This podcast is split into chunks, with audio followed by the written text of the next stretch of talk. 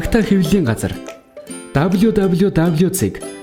цэгийн утга зохиолын цахим хуудаснаас эргэлж байгаа урлаг утга зохиолын тухай ярилцлага подкастт уншигч сонсогч таныг урьж байна.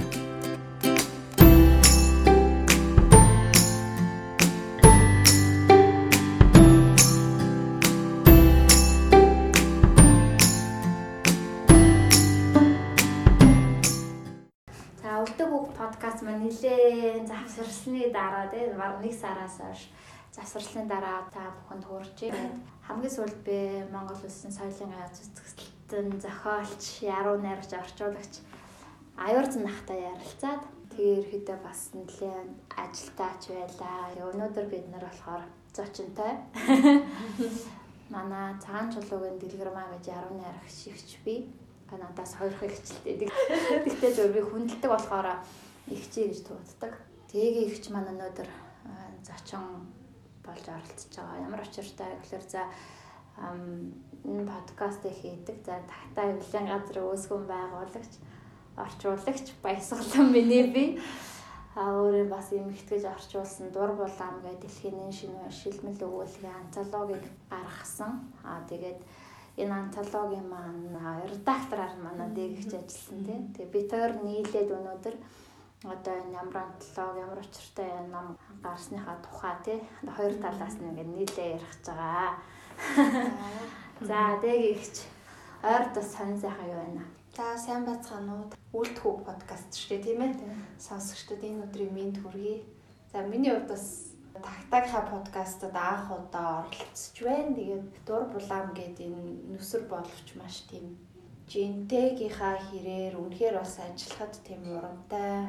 Ийм ном дээр ажилласандаа амар олзуурсан. Энэ номынхаа тухай одоо ингэж ярих гад баясатаа уулзцаа сууж байна. Манай уншигчид бас дур булаам ном маань гараад энэ чинь юу лээ? 2 сар баг 2 сар 2 сар болцсон. Гэхээр зарим нь бол авсан авцсан нь бол одоо бараг уншаад бас номоо туулаад гарцсан байгаа ах тийм ээ. Гэтэ бас нэлээд зузаан ном болохоор зарим уншигчд бол бас гоё тавиал өгүүлэг те нэг нэгээр нь шүүрдээл хамтрахаж уншиж байгаа болов гэж бодож байна.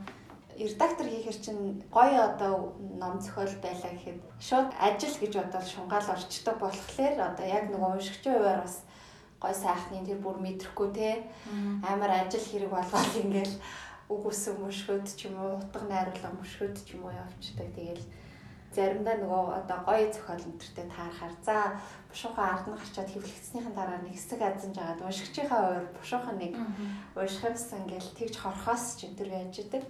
Дуу булаан бол бас тийм ном байсан. Айгу олон гоё өгүүлбэрүүд энэ номоос олж уншсан. Яг яаж ярихаа бас одоо хоёулаа төлөвлөж байгаа тийм. Тэгээ та надаас бас асуулт асуух юм байвал асуугаарай. За би бас танаас асуух юм байвал харилцан яриад явчих. Ерөөдөө дуу булаан гээд одоо энэ нийтхэн зохиолч Жумпала Хэригийн дур булаан буюу англиар Lexi гэж өгүүлгээр нэрлэгдсэн юм. Юу ном байгаа шүү дээ. Тэгээ энэ ном бол би нэг сүүлийн 3 жил яг суусан гэх юм уу? Энэ өгүүлэг энэ антологи гаргах гэж Нэгдүгürt болохоор хүмүүс байнга асууж штэ Монголын уран зохиол ер нь хөгжил нь хаана явна гэлтэй дэлхийдээ харьцуулахад нэтэр гэлтэй. Тэгэхээр тэр бол өстөнд байнга асуудаг асуулт штэ. Би ч гэсэн яг ингээл одоо яг тэнд явж гинэ гэж хэлэх гээд тэгэхээр одоо. Одоо нөгөө таач мэддэг тав тав хаа гэдэг. Тийм биш ямар. Тэгээд би бас бодсон юм л дээ ерөөдөө бас хүмүүс ийм асуулттай байдаг юм байна. Аа нэгдүгээр хоёрдугаар би өөрөө ч гэсэн бас тийм ер нь бид нар хаана явж байгаа юм бэ гэдгээ нэг дэнсэлж үзэхэд надад бас сонирхолтой санагдсан. Монгол уран зохиолч юм уу ингээд яг дэлхийн яг нэг шинэ уран зохиолтой ингээд харьцуулан унших боломжийг уншигчдад олгоё гэхээр баахан армаа орчуулалттай биш те баахан тууж орчуулалттай биш те тэгэхээр одоо өгүүлэлэг буюу өргөлжсөн үгийн богино хэмжээний зохиолын хамгийн те богино хэмжээний энэ төрөл маань өөрөө их дүт тий дүт тэгээ олон төлөөлөгчөөр богино хугацаанд танилцах хамгийн одоо шилдэг арга зам юмшсан төгсөн. Тийм болохоор за өгүүлгийн төвөр эмхтгэе гэж хэлжсэн. Өмнө нь бас нөгөө өгүүлгийн төвөр эмхтгсэн асар туршлагатай үе чи. Өрөнд орны өгүүлгийн төвөр, өрөнд орны шилмэл өгүүлгийн төвөр гэдэг хоёр өгүүлгийн төвөр харцхан одоо шинэ спинозыг хамгийн сүүл нэгтгээ гаргасан. Одоо антологи гэж штэ антологи юм гэхээр ерөнхийдөө юу л ингээд хаашаа чамайг өсчих гээл ингээл тий. Ааха. Айгу тийм задгаа асар том задгаа дөр өвүүлэг гэсэн нэг задгаа ингээд Тэнгис шиг сав руу явал орчиж байгаа байхгүй тий. Тэнгис далаа шиг юм даа. Тэгэнгүүт өөрөө юун дотор хашиж одоо ямар юм дотор хашиж ингээд барих уу гэж бодсон л доо тий. Тэгээд нөгөө тэнгисийг чи ядаж нэг нуур болгох хэрэгтэй. Тий зах хязгаар нь харах хэрэгтэй. Тэгэнгүүт ер нь нэн шин үеийн өгүүлэг буюу одоо ингээд тэр contemporary уран зохиол гэж дэлгээд яриадад байдаг. Тэр уран зохиолын сав дотроо шүрдэгсэн. Түүнээс ч одоо хүн төрөлхтний хамгийн шилмэл өгүүлбүүд ч юм уу одоо юу гэдгийг ингэх юм бол ерөөсөө зах хязгаар уу юм болох юм гэдэг ойлгосон.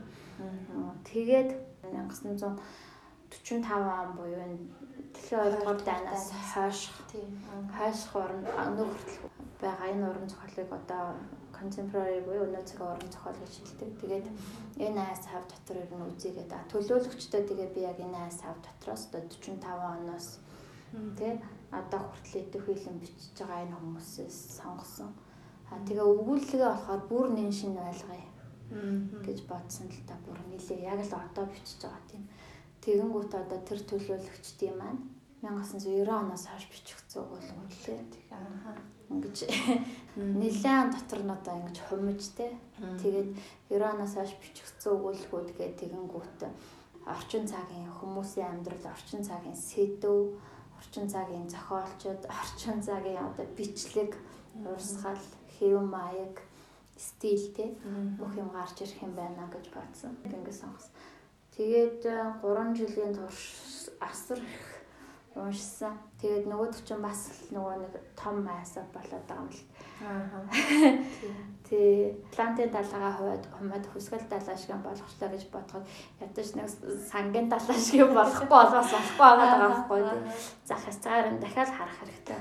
Тийм. Тэгэнгүүт нөгөө өгүүлгээ дотор нь за энэний одоо тэгээд надад таалагдсан ч юм уу энэ гой гэхээсээ илүүтэйгээр За яг энэ энэ энэ итгэл зохиолч энэ үйл яг энэ итгэхийн өнөө цагийн уран зохиолын яг нэг өнгө төрхийн төлөвлөж чадах нь солонгосын зохиолч энэ үйл яг энэ солонгосын нэг уран зохиолын тий нэг тийм хэв маяг онцлогийг тий хадгалж харуулж руу гэж ингэж татрын шигшсэн. Тэгээ ийм л ажил болсон да. Тий. Одоо 21 өгүүлэг байгаа шүү дээ тий.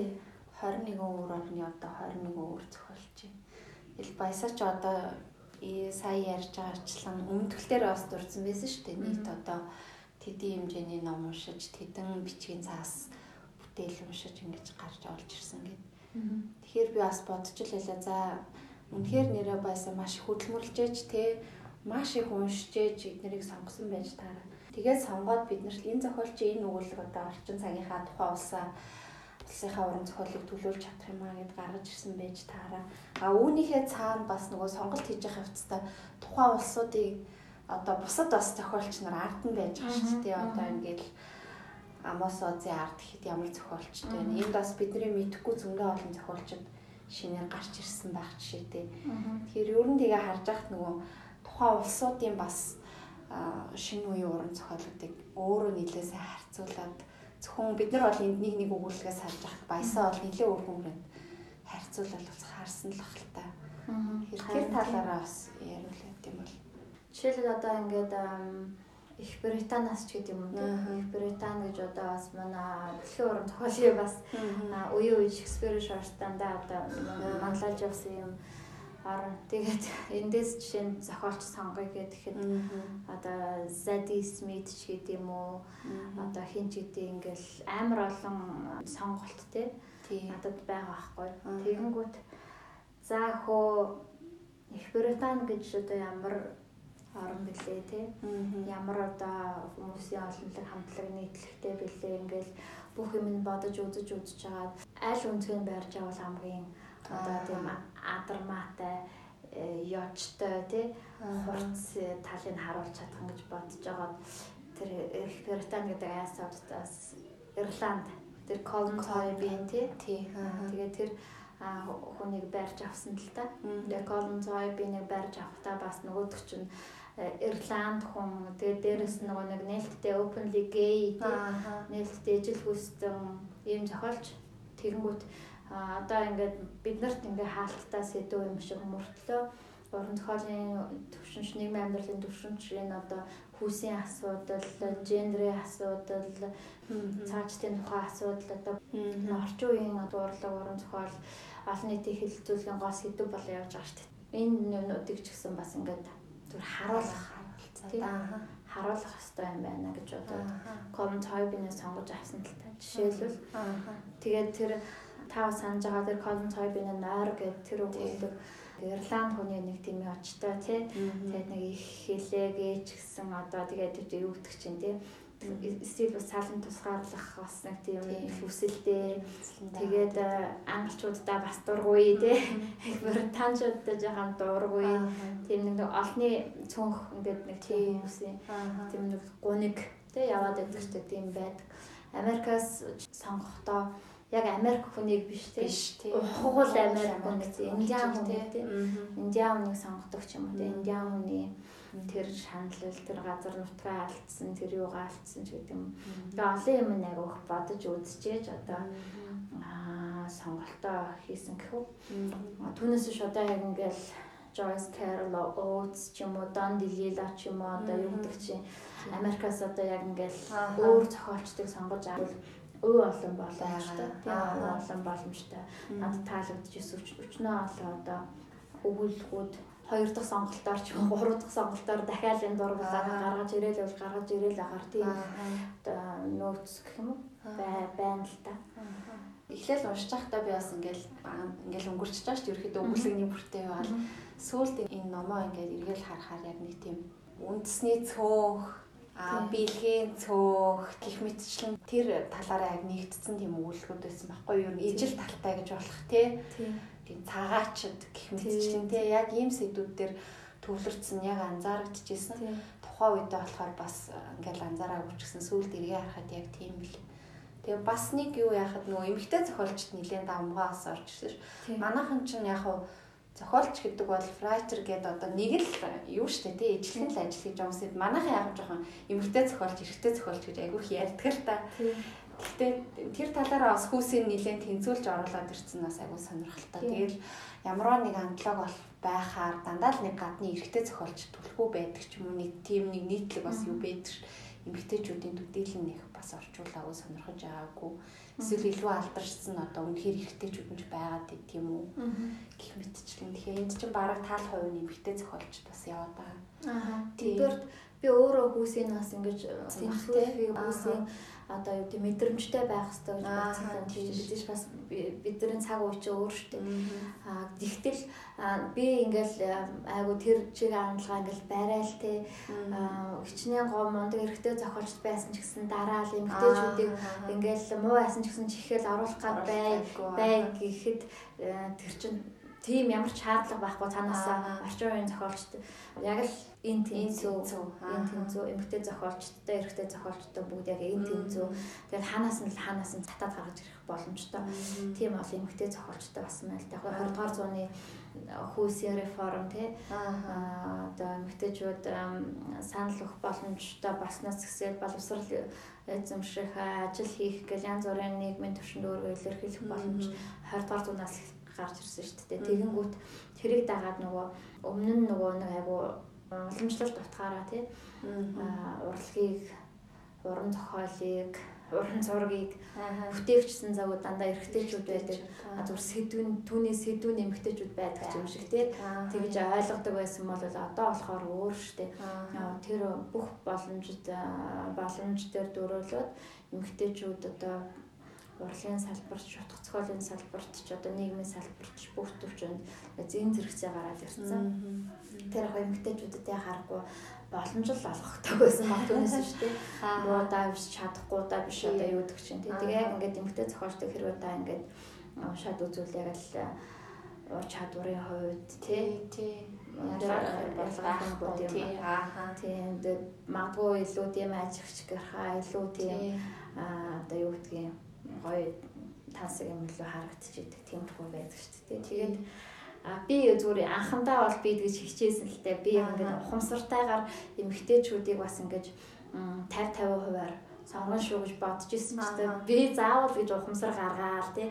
Зориудын үйл ажиллагаа хийх ямар шаардлага байгаа юм гэдэг зөвхөн нугасаа л тийм боддог тий. Тэгээд түрүүний ярьсан нөгөө нэг яг ингээд антлогоо ингээд эргээ харахаар тэр нөгөө нийгэмд одоо бэлгийн Тийм.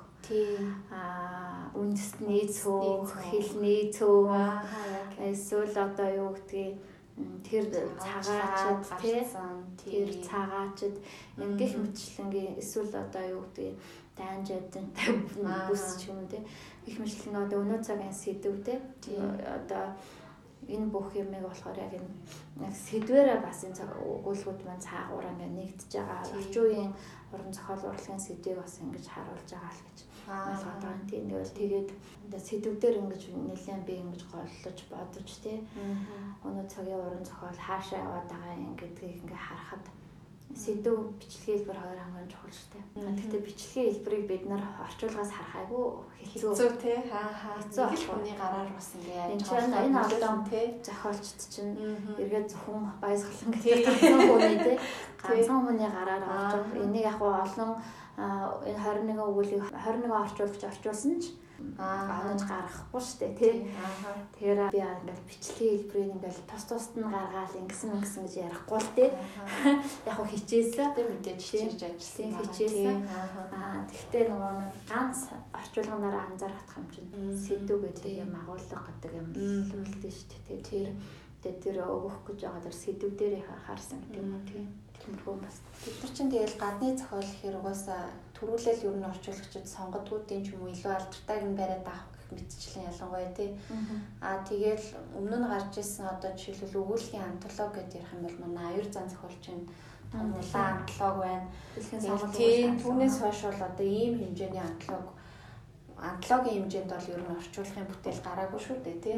Баясаа өөрөө хоёр өгүүллийн ном орчуулсан. Тэр өгүүллийн сонголтууд ч гэсэн бас тухайн үедээ айгуу гоё одоо нөгөө анх яг ингээд өгүүлэг гэдэг төрлийг уран бүтээлчийн хувьд ч уншигчийн хувьд ч гэсэн ингээд сонирхоод бас одоо тухайн хэлээр нь ч юм уу үнэхээр хангалттай унших хэмжээнд хүрээгүй уншигчдын хувьд ч гэсэн айгуу тийм бүр юм олц байсан надад. Одоо би өөрөө өөрөөрөө жишээлээд ярихад тэгээд нөгөө ерөөхдөө ингээд Оросоос ч юм уу одоо хаанаас ч Америкаас ч юм уу үүлгүүд ингээд орчуулсан. Гэхэд дандаа нэг тийм сонгодог жахаа нас одоо бол одоо тий хэдийн ингээд настай болсон юм зохиолч тиймүүд айгүйх байдаг. Тэгэл нөгөө яг энэ цаг үеийн үнэхээр тэр уншигчид асуудаг шиг хэн юу бичиж байгаа бол бид нар дэлхийн хаана яваал гэл тэр чинь ямагт байдаг. Үнэхээр улиг болцсон юм шиг мөртлөө үнэхээр үргэлж шин байх асуулт байгаа байхгүй. Яа тэгэхээр бид нар өөрсдөө бас үнэхээр сайн мэдэхгүй л байгаа. Тэр болгон нөгөө гадны сайн зохиолуудыг шүрдээд олоод уншчих боломжгүй тий тэгэхээр ийм антологийн ач холбогдол бол үнэхээр өндөр эдэм билээ ялангуяа өгүүллийн антолог гэдэг чинь нэг роман биш, нэг тууж биш, маш олон ямиг ингээд нэг дор. Тэгээд энэ богинохон сонирхолтой төрлөөс тэгээ нэг номоос, нэг хавцнаас ингээд маш олон ертөнцийг, олон сэдвийг, олон бичлэгийн хэв маягийг гэл нэр ингээд тэр чигээрээ айгу том оолцоогоо ахгүй уншихад бол уншигчийн хуваар бодоход бол яг тэгжэл санагдчихсан. Дээр нь бас нөгөө ингээд одоо яг ид бичгээл байгаа, биеэс хойгоол байгаа залуучуудад бол бас Үнэхээр нэрээ би ингээд нэг бичвэл за одоо би хаана явах юм ингээд өөрийгөө бас нэрээ харьцуулаад харж боломжтой. Эсвэл илүү энэ хэмжээнд очиод бичих юмсан гэд ирмэлцэл төрөөл тэ тэгээ явчих боломжтой. Тэгэл би энэ баясагийн дур план хандлагыг бол үнэхээр тэгж олзуурчихсан. Яг энэ цаг үед бас нөгөө цагаа цаг үе олж тэ цаг үедээ таарч шин юм гарна гэдэг бол зүгээрээ сайхан л та. Тэгээд аа Одоо энэ 21 өгүүлэг гэхээр яг бага юм сонсогдож байгаа шүү. Тэгсэн ер нь намын маань хэмжээ 534 нөр. Тэгэнгүүт чинь тий асар зузаан ном тэгээ эн чинь Б Б хэмжээтэй гэдэг чинь том ном. Тэгсэн ернээ дээр нь 500 гарцаа ууцтай. Тэгээ 21 өгүүлэг ягаад юм яаж байгаа гэхээр би нэг өмнө нь жишээлбэл одоо харцхан гудамжны Спиноза гэдэг тэр өгүүлгийн туураг юм гэхдээ нэг хуудасны тоон бичгийн бичгийн цаасны нэг 6 6 бичгийн цаас өгүүлэг байвал ингээд миний залхуу хүрдэг тий. А хэцүү гэж боддог. Тэгэл 8 8 бичгийн цаас 8 8 бичгийн цаас очуулстай ямар урт юм орчуулж байгаа гэж боддог. Тэг баг уншихад залхуу өрмөр санагддаг. Тэгээ ерөөдөө ингээд тэр өгүүлбэрүүдийг сонгож авах бас нэг гол одоо шүүлт өрн богинохон байх богинохон байх. Тэгээ урт байх юм бол бүр хичнээн гоё бүр аазхан хөзлөгсөн гоё өгүүлбэр байсан чинь нэгдүгээр залхуураад хоёрдугаар тэгээд төвшөөрэ хайждаг тийм байсан байхгүй. Гэтэ яг дур болоо эсэргээр эсэргээрээ би одоо нөгөө яг л үнэхээр л энэ нөгөөлөг чанартай байна, чансаатай байна, гоё байна гэж яг бодох юм бол тэрний бүр хэмжээг харгалзахгүй орчуулсан л да. Тэгээ бүр зарим нь бүр 40 50 нүүр тий. Бисрэг тууч шиг өгүүлэх бисрэг тууч шиг тий. Тийм өгүүлдэг байж байгаа тий та. Хамгийн богиндоо нэг 20 20 нүүр тий 20 30 нүүр. Дандаа нэг дунджаар нэг 30 30 нүүр ингээд өгүүлгүүд явж байгаа. Тэгээд миний хувьд ч гэсэн өөрөө шин шин зүйл болсон л айгуу тийм торшлог өөрөө тийм шин торшлог. Тэгээд нөгөө энэ чинь 3 жил тасралтгүй хүн ингээд өгүүлэг зөвхөн өгүүлэг уншаад өгүүлэг шүүрдээд олон орны зохиолчдыг ингээд судлаад ингээд хараад эхлэхээр тэр их нөгөө хөдөлмөрийн хажууд чинь сонгож авсан нэг өгүүлэгтэй нэг 30 нүүрж байд 40 нуурч бай ингээд орчуулахад тийм харамсахааргүй тийм харамсахааргүй хажуугаар нь явж байгаа хөдөлмөрийн хажууд энэ чинь бас жижигхэндээ орно шүү дээ. Яг ингээд орчуулах нь бас миний хийсэн хөдөлмөрийн нэг за 25% судалгаа хийсэн шигсэн гэсэний тэр нэг ингээ явах бол 75% гэж бодоход бага хөдөлмөр авахгүй. Тэгэнгүүт одоо юу гэдгийг яста залхууралгүй те уухгүй уухгүй орчуулсан. Тэгээ миний хувьд бас юм том өгүүл хэмжээний өгүүлбэрүүдийг ингэж баг 20 дээр нь орчуулсан гэдэг болоод айгу эр зориг гаргасан. Тийм тийм үйл явдал болсон байгаа. Тийм 3 жил ингээл нэг номын ард ягаас сум гэдэг ч бас. Үнэхээр л зоржил хийсэн ажил байгаа юм л да тийм зорж хийсэн. Тэр хугацаанд би нормал энэ айгуу бага уншсан. Шүлэг мөлөг айгуу бага уншсан баг та. Тийм. Тэгээд ерөөсөө Нью-Йоркер, Гранта, одоо Paris Review одоо нөгөө нэг уран зохиолын бүх сайтууд руу ингээл дандаа нөгөө subscribe гэдэг шүү дээ. Доллараар төлбөр хийж ороод аа тэгээд дээрэс нь нөгөө нэг би сайн нөгөө Iowa-гийн олон улсын цогцол хөтөлбөр явсан. Тэнд болохоор надад нөгөө Iowa-гийн сургуулийн оюутны карт өгсөн. Тэр картаар нөгөө Америкийн бүх их сургуулиудын одоо намын сангийн сүлжээнд орчдөг баг. Тэгэнгүүт тэн дээр бүх нөгөө номыг ингээд PDF-ээр авах боломжтой бүх номыг аваад одоо одоо унших боломжтой. Тэгээд тэр тэр ресурс бол айгу том ресурс миний өмнө нэгдсэн сурвалж. Тэрний хажуугаар бас нөгөө таалагдсан намаа өгүүлгийн амтлагуудаа дандаа нөгөө нэг Kindle дээр захиалж тий Amazon дээр ингэж хөдөлтөж авч уншижсэн хажуугаар нь бас ингээл өөрөө эр зурж олсон номнууд номнууд гэх мэтчлэнгээр айгүй их хүч хөдөлмөр аваас ингээд тоолоод үзгээрээс хөрөнгө мөшаарцсан ажил ажил болсон байгаа тий. Энэ хугацаанд би бас өөрөө уран бүтээлч хуваарч гэдэг юм уу тий. Айгүй агсан гэж бодож байгаа.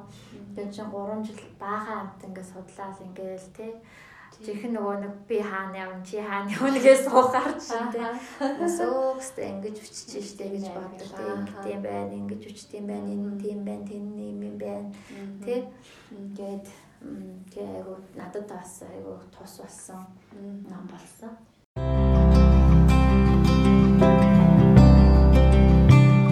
Урлаг бол мэдрэх үг бийжүүлэх үе юм. Аланис Моросити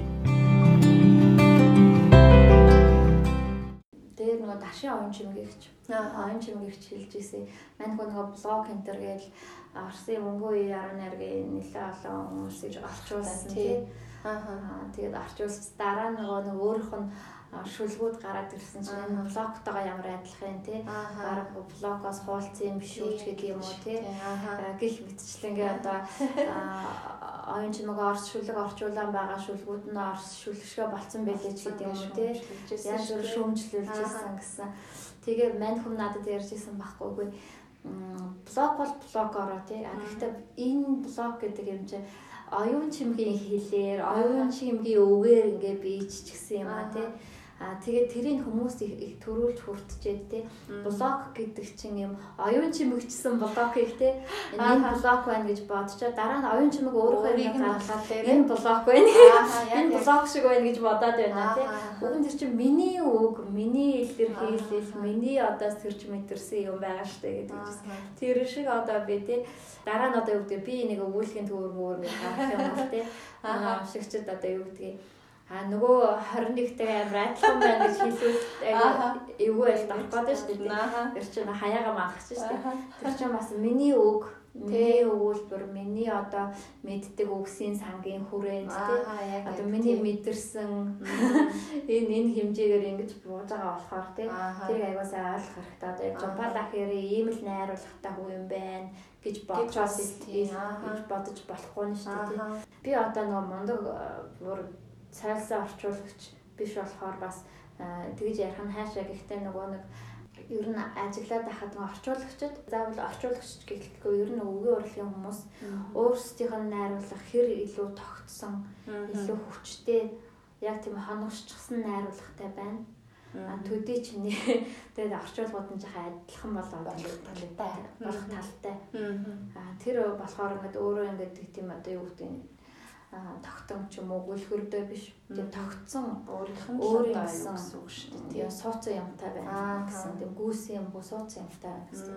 Тэгээ тэрийг болохоор хүмүүс нөгөө нэг орчуулгын өөрийнх нь зохиолтой нь ингээд хойлоод гэхдээ орчуулгаас нь иш авсан байна гэж ингээд ойлгоод байна. Тийм тийч бас төөрөлдөж болчихгүй байх. тийм болчихгүй. Ялангуяа шүлэг орчуулдаг хүмүүсийг тийм орчуулгын шүлэг шиг гэдэг ял. Тийм орчуулдаг хүмүүсийг яг тэгдэг дээ. Тэгвэл энэ шүлэг энэ өөрөх нь бичсэн шүлгүүд орчуулсан шүлэг шиг байна гэж. Уг нь бол өөрөх нь орчуулсан шүлгүүд өөрөх нь шүлэг шиг байхгүй. Аа яг тийм эсрэгээр Тийм. Зарим найраг дээр нэр илүү тод яах бах шүү. Тэр чинь өөрөө шүлгчээ одоо тийм айгу нарийн мэдрэмжийн юу байгаа болохоор хүн мэдэрснээ уншчаад мэдэрснээр бас болгож байгаа шүү дээ. Тий. Тэгээ өөр хүний юу байгаа ч гэсэн.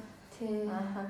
Тэгэхээр чи бас яг энэ одоо найруулгын асуудлыг хоёул ярьлаа шүү. Тэгэхээр нөө 21-ийн зохиолч нар одоо өөрийнхөө тэр тогтсон хэв маяга одоо тэрнтэйгээ хэр эвлэрч орчуулга юу хийдэг вэ? Эсвэл энийг яаж аль болох цаад хүнийхээ хэв маягийг хадгалах гэж одоо хэр их сүрдөгч гэх юм. Ер нь орчуулах ялангуяа энэ 21 дээр ер нь яасан бол бас сонирхолтой л юм тийм. Одоо мэдээж орчуулж байгаа хүн чинь ингээд тий.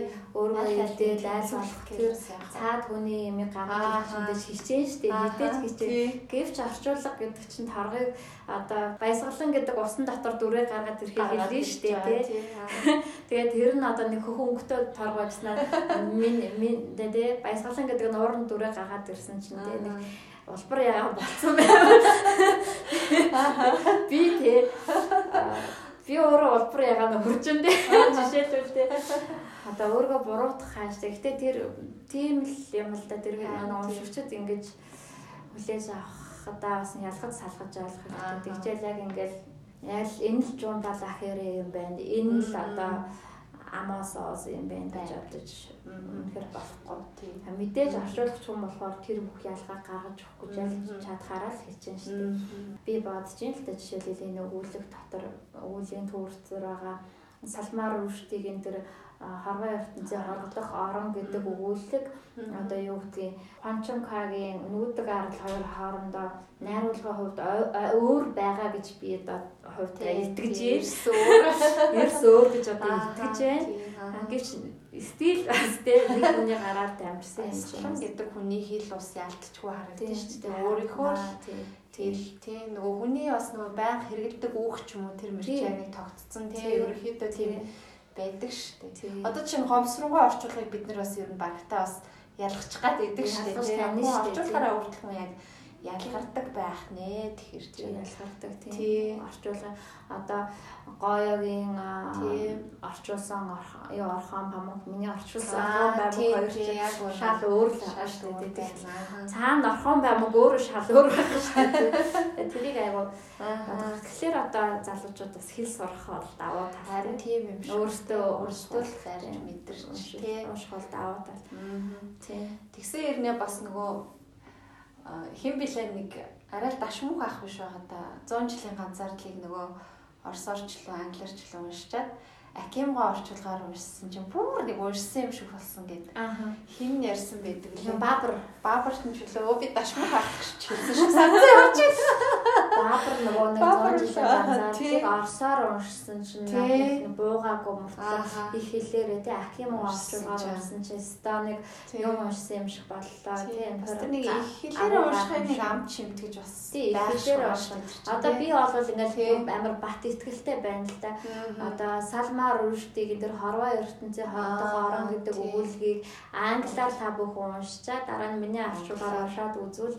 За монголоор уншаас нь илүү тийм сайхан санагдаж магадгүй. Надад өөрт мань ч гэсэн яг тэгж мэдрэлтэй. Би одоо ингээ англиар нь хараад өөрийнхөө орчуулгыг ингээ тулгаад үзэхэд заа ямар ч юм Аа. уншсан монголоор илүү гоё буухаар болжээ гэж одоо би чинь бодож байгаа шин. Тий. Тий, тэр өгүүлэг угаасаа баясаа Эстоныг хавтаа орчуулсан байсан. Би бас уншаад За манай монгол хэлний нэг гоё юм яг тэгж зарим зүйл дээр ингээд агай гоё харагддаг нэг тийм. Одоо жишээ нь юун дээр бас тий үл үзэгт хотууд дээр ч гэсэн бас манай хэлний сайхан бас харагдахаар тийм гоё зохиол хийсэн ш. Тий. Тэг мэдчлээ бас тухайн бүтээлийнхээ онцлогоос болоод хэлний маань онцлог гоё сайхан юмтай таарж болох зохиол гэж бас таарч байгаа байхгүй тий айгүй гоё. бидний түүх а бидний ахуй Мгм. заншил те. Юм тэр юмны нэг эд хав нь гардаг нэг яг яг. хэсэг сегмент байж тээ Тий. агуу хаад энэ түүх мад тий гоё аа. тэ агуу хаад эр Тий. зөгийн тухай байлтан дагуулын Аа, тухай тийм үү? Эх орны тий тухай уул усны тухай яг яг. Ичаавын тухай тий тийм юм Тий. тиймэрхүү сэдвүүн дээр манай их хэл одоо илүү их наалдаж одоо би таваа жинхэнэ гаргадаг гаргаж байгаа байхгүй юу тий. тий тиймэрхүү юм байна Тэгээ яг салмаар өштгийн тэр өгүүлгээс бас яг харагдчихсэн. Үнэхээр л бас за за. Тэгээ энэ өгүүлгийг бас сонгосонд нь аягүй ингээд баярлж байгаа байхгүй ийм гоё тий. Монгол хэлний тавыг бол энэ дээр ингэж харуулжээ гэл. Бас нэг өгүүлэг бааш Монгол сэдвтэй. тий Тий. Албанийн зохиолч Албан өнгөрцөн байгаа нэр чинь тий. Кадар гэдэг тий. тий Тий. ха цагаан хэрэг гэж Тий. тий Монгол Монголын сэдвтэй өгүүлбэрүүдийг бас баясаа зориуд бас орон шилтгэж оруулах гэж байгаа шүү дээ тийм ээ. юу гэсэн Монголын Хорогдохоор сэдвээр ертөнцийн хорогдохоор ингээ хоёр юм өгүүлэх байгаа шүү дээ тий. тий За би зүгээр ингээд бодд юм л. Аа. Одоо нөгөө нэг би таана явна уу гэдэг асуулт байна шүү дээ. Тэрний дараагийн асуулт нь болохоор за бид хэрвээ энд явж байгаа юм бол Юу вэ? Би бид юу бичсэн юм бэ? Би тэр нь яаж бичсэн юм бэ? Одоо яаж бичих юм бэ? Тэгээ юу бичих юм бэ гэдэг асуултууд гарч ирж штэ тий. Тэгэнгүүт ч монголчууд зохиол бичигээ тэгэхээр их хөвчлэн болжгүй л нөгөө 13 дугаар зууныхаа төвхрөг төрчээд байдаг тий. Тий. Хүүчээд байдаг тий. Яг орчин цагийн монгол хүний амьдрал туулж яваад зүйлэн одоо тийм хүнд ярих хилээд байхаар сонин сод биш юм шиг тий. Одоо одоо англиар нөгөө word to tell гэж одоо яриад байхаар зүйл биш юм шиг тий. Анга хандаад биднэрээ сон сон садан сонсогдох маа зүйл маань биднэрийг илүү одоо хүний одоо юу гэдгийг нүдэнд өөдтэй харуулгадах зүйл маань ерөөсөө 13 дахь төөхөл юм байна гэж шиг. Харгаалцлах бахархалтай ус шиг. Тийшээгээл гүчээд байдаг байхгүй юу? Тэгээд тэгтэл нөгөө нөгөө талд одоо за болил л да өөрсдөө яаж өгүүлж байгааг нь сонирхдаггүй маа гэхэд биднийг яаж бичсэн юм бэ гэдэг айгүй олон жишээ байгаа байхгүй. Монголчуудыг аль талаас нь яаж бичсэн юм бэ гэдэг. Манайхан ч нөгөө нэг агуу их түүхтэйдэж тэгүү тэрөө бас дэлхийн уран зохиолын одоо маш олон төрлөөр маш олон хэлээр одоо маш олон зохиолчийн гараар бас ингэж уур ухаанаар бас ороод гарсан байна л да.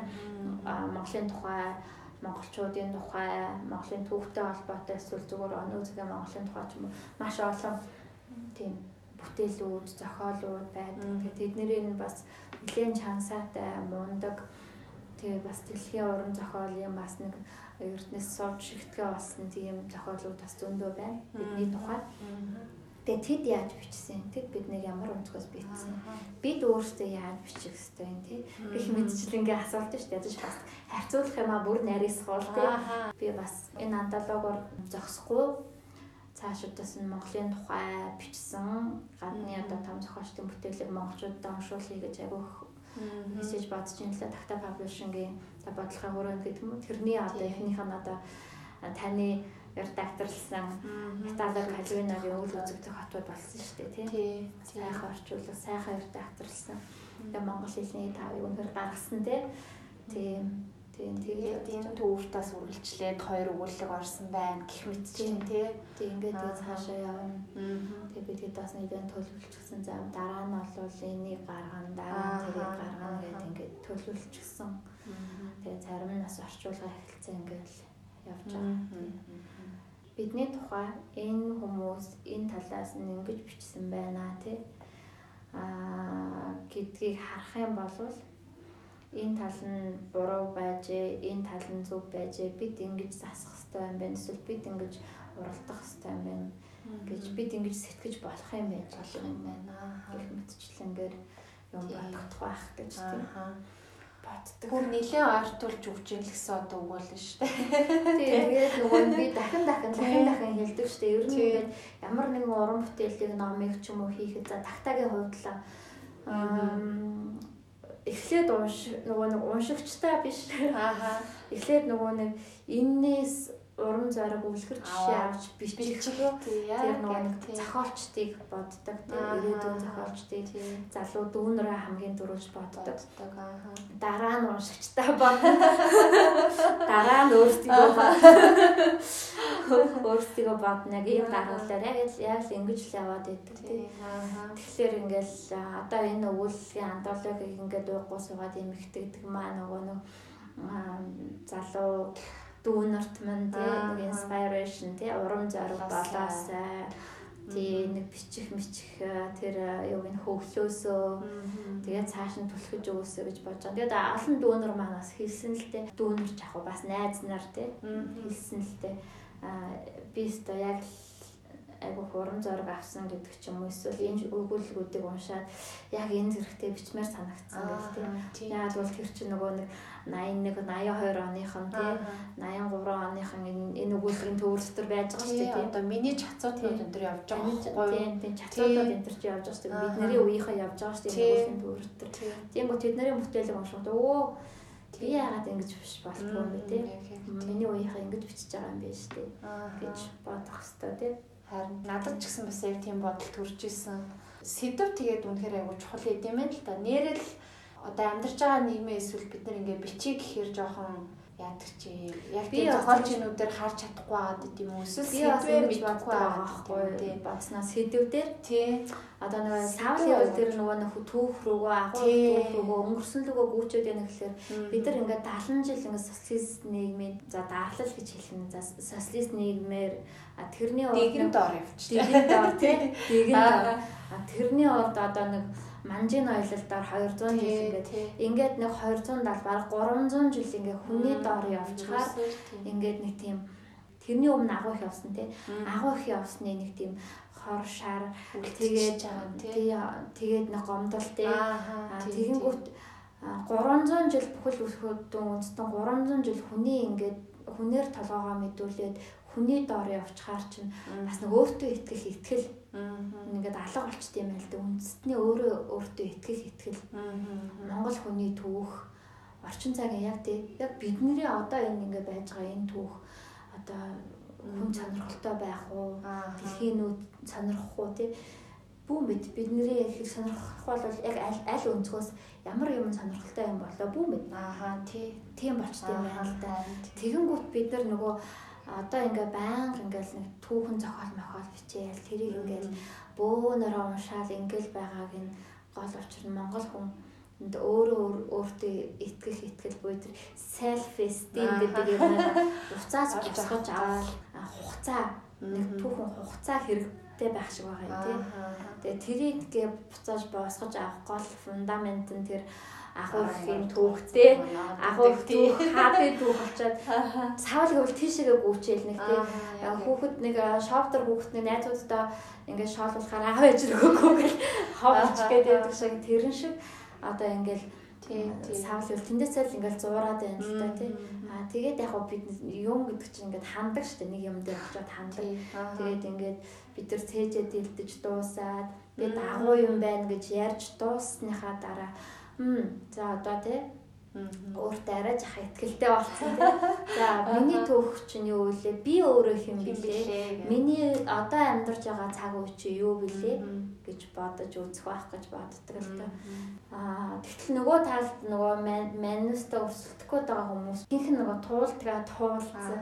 Эсвэл нөгөө нэг тийм нөгөө нэг хүндрэлтний одоо даяарчдын халмаг томол доонд ингээд аяр талилтцсан хүмүүс чинь тий би хий юм бэ гэдгээ илүү ингээд анзаарч их анзаарч сэрч юм тий анзаарч сэрдэг сэрдгээс сэрсэн одоо тэргээ бичиж юм л гэж яа.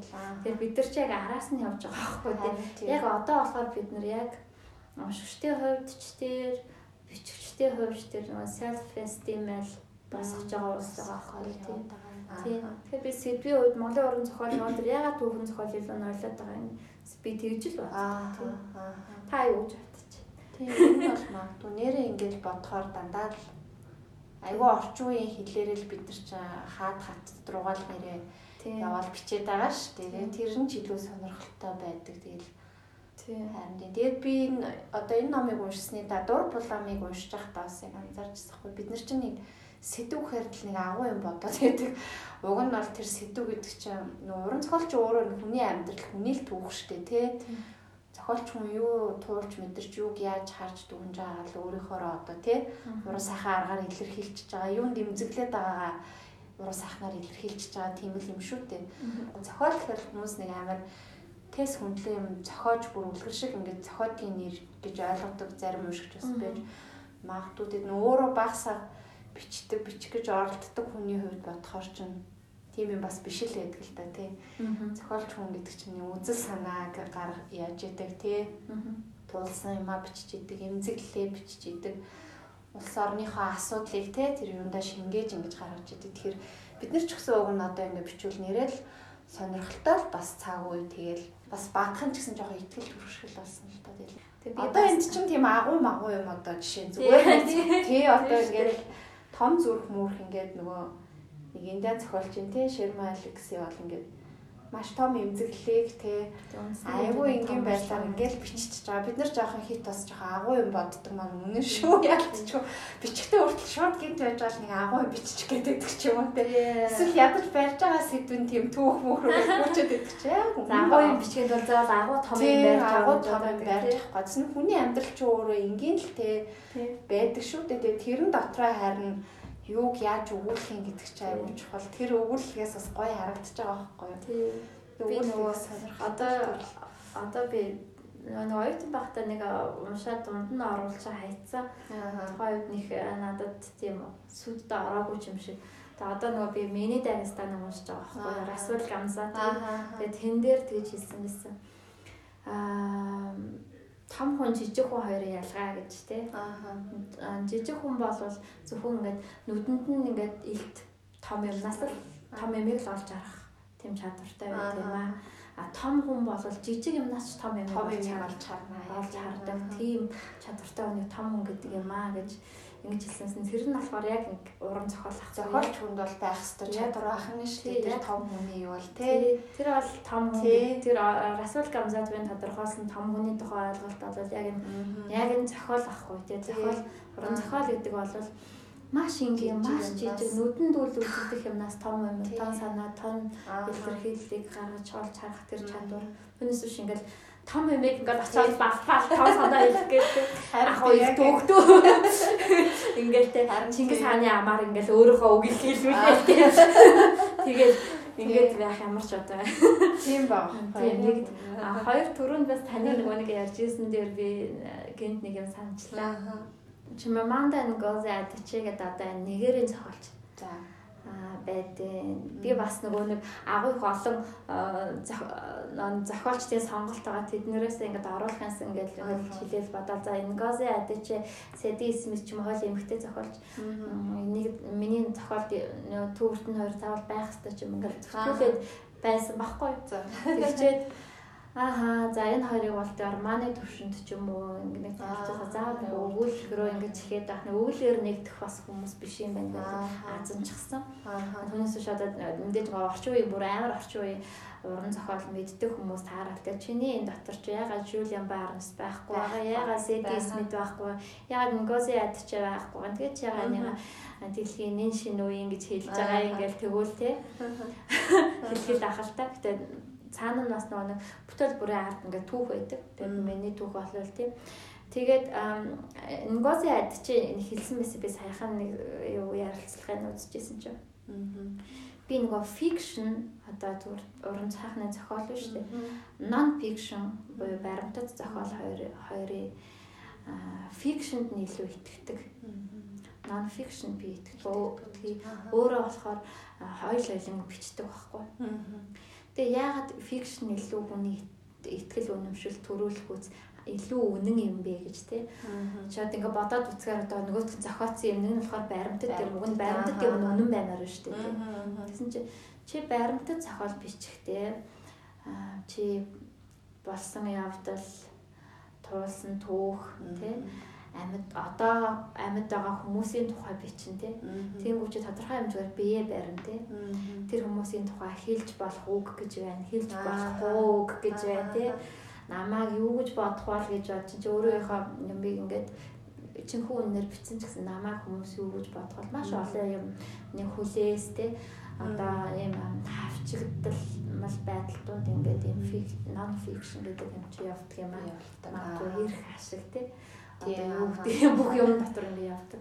А fiction бол чи бүр бүр өөрийнхөө бүр те нууцын нууц ямаач гэсэн ингээд өөр өөр юм ингээд хувиргаад те хүйсийн солиод нэрийг өөрчлөөд те болсон он цагийн өөрчлөөд хувирчиж болно. Зүгээр ингээд харахад ингээд те ингээд ингээд бэлбүрдсэн юмнууд нь л ингээд уран зохиолын те юм шиг боловч яг тэнд л хамгийн үнэ юм хамгийн бодтой түүхүүд яг тэнд явж идэв юм аа. Тэгэхээр би фикшнд илүү итгэдэг гэсэн. Надад бас тэр үг аюул тийм Тэгээ айгүйх таалагдсан. Тийм байна. Тэгээд нөгөө хүмүүс чинь аа уран зохиол юу юугаараа саний тий. Одоо би non fiction уншдаг хөө гэдэг штеп тий. Тэгээ non fiction гэдэг чинь бас тийм байдаг. Үнийн баримт гэдэг чинь бас тэгж хашиж байгаа юм шүү. Нэрээ тийм шүү дээ. Баримт гэдэг чинь өмнө тэгж хашдаг. Ямар нэг ашиг юу сонирхол одоо юу гэдэг тийм юмнууд нэрээ л яг байж ш чинь юу. Тий. Би тэр нөгөө уран зохиолыг хийц зохиомлоод хүн зүгээр нэг бодож байгаа л амар зохиолчдаг ч юм уу тийм ойлголтыг бас би яг нэг хувьдаа жахан үгүй штэ гэж бодоод байдаг байхгүй юу. Тэгэхээр яг тэр ингази ядчаа хийж байгаа бас тийм энэ бол яг бодтой хамгийн бодтой хамгийн үнийн юмтай хүмүүс жохон дөрөв хувиргаад ямар ч айц ичгүүр аимшиггүйгээр фикшн дээр илүү гаргадаг юм аа тий. А түүнээсээс fiction итгэх. Тэгээд нэгтээ офигтэй тийм. чанартай бас уран зохиолын тэр нэг гоё амт шимт одоо тий. Сэтгэл татам чанар нь одоо бас тэндээ байгаа юм л та. Тийм. Тийм.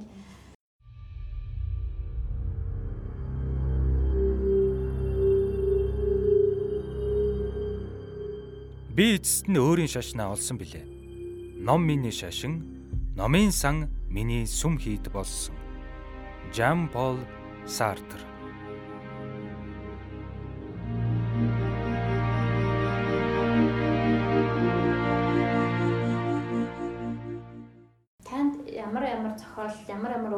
илүү таалагдсан. Тийм Grace Paley гэдэг энэ Америкийн зохиолч нь тийм. аа бид хоёроо яриагаад Grace Paley өөрөө яг цэвэр Америк хүн биш тийм Украин еврей гаралтай ийм хүн байгаа. Дараа нь Итали Кальвиног сайхан манахаас нөгөө нь үл үзэгдэх хотууд гэж одоо Хавлын хааны тухай тэр зохиол гарсан тийм энэ За тэгээ Милан хүн дээр манахаас бас нөгөө нэг төвчгөө аргагүй хөнгөө оршихоо манай төвцөөгийн орчуулга гарсан тий. Энэ хүний өгүүлэг за Элис Монро гэж өгүүлэг бичээн байгаа Нобель авсан. Канад зохиолч эмэгтэй байгаа тий. За тэгээд Умберто Эко утга манахаас сарнаа нэр гэж зохиолч зохиолыг гарна одоо. бас модерн бас модерн зохиолын оргил хэрэгтэй бол Италийн алтартай зохиолч. Дээрээс нь болохоор хэл шинжлэлийн мундаг эрдэмтэн хамгийн том Семёц ийм хүн байгаа. За тэгээ Smile Kadar гэдэг энэ Бүгүрийн шагналтай. За энэ цагаан ярам гэдэг өгүүлбэр орсон нь бол монголчууд Маш амьсгал сонирхолтой өглөг байсан шүү дээ. Цагаан яран бас. Тий. Бүр хаавсаа албан хүн ингэ бичсэн байгаа байхгүй. манай дохон төмөр хааны тухай тий. Тий. За тэгээ Людмила Петрушевская гэдэг энэ а, Орсын зохиолч, Орсын одоо энэ яг энэ постмодерн аа тэгээд нөгөө уран зөгнөлт зохиол гэдэг юм уу? Энэ хоёрыг нөгөө харшуулж бичдэг юм зохиолч. За Амасос жишээ нь одоо а, Амасос болохоор энэ Израилийн зохиолчдод төлөвлөж байгаа. Жишээлбэл одоо би Израилаас зохиолч ингээд сонгоход тэгээд Израилаас надад агиух болно зохиолч таалагддаг байхгүй. Аа. Тэгэл би ингээд Амасосыг сонгох уу? Эсвэл одоо Эдгар Керетийг сонгох уу гэж айгууд ингээд атсан шалаад ингээд араас ингээд байж байж байж байгаа л ер нь. Тэгээд сэтгэл сайн зүрхний дуулахаар Амасосыг сонгодог ч юм уу? Гих мэтчлэн ингээд ингээд амар юу яхад айгуу төвхтэй байсан. Аа. Тэгээд Салмаа Рушди Харваа ертөнцийн харагдах орон гэж. За Салмаа Рушди болол нөгөө аа тийм барын тухай. Тий. тий шулмын хөөгтүүд гээд шүвшээ шулмын шүлгүүд гээд хоёр оргоноос Шүн дундын хөхтөд. шулмын шүлгүүд гэж Герман бичээд одоо аятолла тий Ираны шаш- шашны шүүхээр цаазаар авах яг сонсоод түүх намтартай. Тий. Сонин амьдрал туулсан зохиолч. Тэгээд исламын улаан хамгаалагчид тий Тий. фундаменталист үзэлтнүүд болохоор хинэнтгэл очоод на тэр шүүхийн шийдвэрийг тий хаашилтанд шийдвэрийг гүйцэтгэж тийм Аа. одоо боломжтой тий тийм чин хүсэлтэй байсан. Тэгээд энэ хүнийг Английн гвардууд те Английн цагдаа нараа 10 хэдэн жил нууцтай амьдралаар амьдруулж маш чанд одоо хамгаалж байгаад тэгээд сүүлд Иран Ираны засгийн газар тэр шашны шүүхийн шийдвэрийг одоо хүчингү болгосны дараа буцаж олон нийтийн өмнө гарч ирсэн юм одоо сонин төвхтэй зохиолч. За Collins хоёрын түрүүн ярьсан нөгөө Ирланд зохиолч тий Open League амьдралтай. За Юха гэдэг нь болохоор манай одоо амьдрахуугийн тий хаттын зохиолч манай одоо амьдарч байгаа тий алдарт амьдрахуугийн зохиолч. За тэгээд Sherman Alex энэ миний бүр ингээд сэтгэл зүрхний зохиолч байхгүй би нөгөө нэг өмнө нь бас харцхан гудамжны Spinoza дээр бас нэртэй өгүүлдэг. нэртэй Тий, өгүүлгийн Нэртэй хууль гэдэг шиг бол нэртэй өгүүлдэг тий байна шүү. нэртэй өгүүлгээ нь орчих. Тэгээд нөгөө нэг ийм юм хийчээ дундаас нь Sherman Alex-ыг аваад хайчаар надад одоо айгүй Аа. хайран санагдаад тэгээд Sherman Alex-ыг дахиж оруулсан. Тэгэхээр гой өгүүлдэг нь бас орсон байсан. Жумпала Хэрэ энэ болохоор нэтгэл гаралтай юм зохиолж байгаа. Тэгээд энэ хүний дээр секси буюу дурлалан гэдэг нэрээр энэ ном маань нэрлэгдсэн дээ. Тэгээд Ким Ён Ха гэдэг энэ зохиолч солонгосын. Тэгээд манад бас нэг зохиол нь орчуулагдсан юм билээ. Оо тийм үү? Аа би өөрөө шийдсэн гэдэг нэртэйгээр орчуулсан Нэр байлаа. тийш тийм Монгол болор эрдэнэ орчууд. Тий, тэгээ уг нь бол тэр зохиолсон нэр нь бол надад одоо өөрөө хөнөх эвүүтгэх эрх би гэсэн нэртэй байхгүй. Тэгээ тэгэж орчуулсан байсан. За тэгээд Эдвиш Дантика гэдэг би энийг нөгөө нэг Чиммандын нөгөөс адгчигаар солиод одоо. Африкийн зохиолчдын төлөөлөл болгож оруулсан юм гайти юм зохиолж байгаа. За тэгээд Ахил Шарма гэж бас энэ итгэхийг төлөөлж байгаа. Тэгээ Ахил Шарма гэдэг бид маань шууд хайртайгаа энэ нөгөөлгөө нь уншихаар ингээд бас сэдв гэдэг чинь Стон харагдаж байгаа юм да. харагдаж байгаа ямар амьдралд ойр зүйл тийм. сэдв гэдэг чинь Наад өгүүлэгч надаас амар бус шүү. Өөрөө бас яг нөгөө жоохон хацаж энэ төр үзсний ард тус Мгм. гүнзгий яргаж орсон өгүүлэг. Тэгээд нэг уужирсан дараа нь над өгүүлэгч уншсан чинь одоо тий. аа, Санаа- сэдв гэдэг тэгээд энэ Тий. бидний туулж байгаа амьдралтай энэ дэлхийн уран зохиолч ямар ойрхон ойрхон байгаа. амар ойрхон Тий. тийм энэ байж байна гэдэг ойрхон тий. ах нь бол маш ойрхон байгаа шүү дээ Тий, тий, тий байсан шүү. тийм Лара Батнаяр даваагаар өглөөний дурлалын хичээл гэдэг энэ энэ Лара Батнаяр бас энэ Орсын зохиолч бас ах нь бидэртэй ойрхон байгаа шүү дээ. За Юнли гэдэг энэ мөнхрөл гэдэг үгэл нарсан Юнли бас нэг хятад зохиолч. Аа. За Юко Саката гэдэг одоо манай үеийнхээ орж ирж штэ Тий, тий. тий. 80 оны хүмүүс орж ирж. Энэ Япон зохиолч, за Хван Чонкай гэдэг одоо Тайван зохиолч, тэгээ Фатима Бута гэдэг энэ одоо Пакистан зохиолч тий. Одоо Пакистаны хэдэн 10 жилээр одоо удирдах байгаа Бутагийн гэр бүлийн охин. Сонирхолтой зохиолч байсан, эмхтэй байсан. Тийм гих мэтчлэнгийн Одоо тэгээд энэ дотор бол монголчуудын одоо анх удаа нэрийг сонсож байгаа ч юм уу шинээр танилцж байгаа олон зохиолч байгаа гэж би дотроо бас итгэж байгаа. Тий. Тиймэрхүү байдалтай. Та тэгээд өөртөө хамгийн их таалагдсагаа бас уншиж ярьж өгч. Надад бас амар спойлердохгүй. Харин тийм. Харин тийм. Баясаа нэг нэг дээр нэг номоо ихтэх гэж байгаа яг анх надад нөгөө Жумпал хэрийн дур булаа нэг яг нэг явуулж ирсэн шүү. Тийм шүү дээ. Тэгэхэд бас яг уншаал амар таалагдчихсан. Энэ өгүүлэг уусаа анхнаасаа л надад ер нь айгу гоё өгүүлэг. Шерма Алексиас угаасаа айгу онцгой зохиолч. Анхны баясагийн аз жаргалтай төгсгөлүүдээс уншихад л тэнд нөгөө нэг урт нэртэй өгүүлэг маань үлдмэлт бас ялцчихгүй айгу гоё өгүүлсэн. Энд дээр энэ том зүрх болохоор бас тийм тэр одоо нөгөө уугуул индианчуудын одоо тэр нэг индиан сүнс тэр нэг өөрийнхөө тэр уугуул юмыг одоо энэ том зүрх гэдэг өгүүлгээр айгу гоё гаргасан байсан. Биднэрт ч гэсэн юм том зүрх шиг иймэрхүү сэдвээр бас бичүүл байж болохоор юм шиг надад бас яг тийм санагдчихсэн. Энэ бид маш шууд дургүй болохоор тийм сая би бас хэллээ айгу гоё маш энгийн өгүүлэг. Бүр ямар энгийн гэж зүгээр л нэг энгийн өгүүлэг багхгүй юу? Тэгээд энэ өгүүлэг дээр харж байгаа тэр үйл явдалтай зүгээр миний амьдрал тохиолдсон бас тэр нэг хүнд хэцүү зүйл маань жахан давхцч таарс. Би аавыгаа өнгөрсний дараахын яг энэ дур булам ном дээр ажилласан байхгүй юу? Тэгээд энэ бид маш шууд дургу бол надад бүр үнэхээр тэгж орсон айгу таалагдсан Тэгээ ямар сайхан өгүүлэг юм бэ гэд нөө төгсгөл энэ нь бүр айгуу гоё л та. Маш энгийн л дээ өгнө бол үнэхээр энгийн. Тэгээд сая баясаа илтгэх чиг нэрээс хэдв гэдэг чинь тийм л энгийн юмнаас тий тэр гамзатовын илтгэх шиг жижиг юмнаас тийж том юмыг гаргана. Жижиг чулуугаар том чулуу өдлгөнө гэж бидний үг хүртэл байдаг шүү дээ. Одоо тэр шиг уран зохиол дээр хүртэл бас тийм чанар байдаг бахан. Тэгэхээр гэж би бас яг энэ өгүүлэг дээр үнэхээр тэгж бодож исэн энэ энэхүү хорвогийн чөлөөнд тэгээд энэ Юка Сакатагийн өгүүлэг бас айгу сонирхолтой. Тэгээд бас энгийн мөртлөх гоё өгүүлгээс хэл мэл нь өөрөө бас гоё. Надад явал яг тийг санагдсан. Тэгээд энэ дээр бас нэг юм одоо бэлгийн цөөхтэй хүсээ ингээд яасан трансгендер тийм залуугийн тухай аахгүй юу. Тэгээд нэг тийм хоёр залуугийн харилцаа. Тэгээд бас маш энгийн мөртлөө энэ энэхүү хорвогийн чөлөөнд бас надад аюух таалагдсан гоё орчин үеийн өгүүлэг. Ялчгүй залуучуудад бол бас айгу сонирхолтой санагдах баг.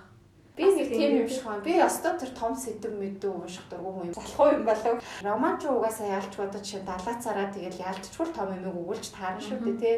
Туурч ч гэсэн тэр өгүүлэг яагаад тийм айгуу гой сонирхолтой гой төрөл юм бэ гэсэн чинь ингээл жижиг энгийн юмар амьдралд ойр байгаа ямиг өгүүлэл сэтгэл хөндчдөг ч юм уу те яжилчдаг ч юм уу ямар нэг мэдрэмжийг төрүүлээд ингээ яачдгаараа одоо шүлгээс бол бид нар амар цэвэр мэдрэмж авдаг бол өгүүлэлгээс бас үйл явдлыг төстэй ч юм шиг те.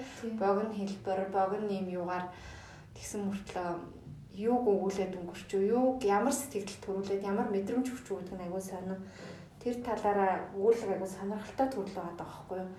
Тэгээ Норвегийн хаан бас нэг тийм хөөрхөн ч юм уу гойч юм уу нэг тийм өгүүлэг байсан тий тий Тэгээ за хороо ертөнцийн хорогт хоорондоо бүр ярих юм байхгүй амар гоё тансаг хэлтэй. Тэгээд үнэхээр бидний түүхтэй холбоо. Зохиолч нь ч өөрөө одоо салман өрөвштэй.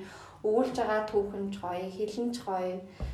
Түүхэн юм шиг мөртлөө аюул сонирхолтой тийм өөрмөц сүглэг байсан шүү дээ. Бидний өвөг дээдсийн тий одоо энэ итгэхгэн агуу их одоо Монголын эзэнт хөрнийг байгуулж явсан бидний одоо өвөг дээдсийн одоо хаач үе. Хаан хүний ганцаардл тий. Хаан хүний шаналл. Тий тэр юг ингэж аягаа. Тэр хүн чинь тий.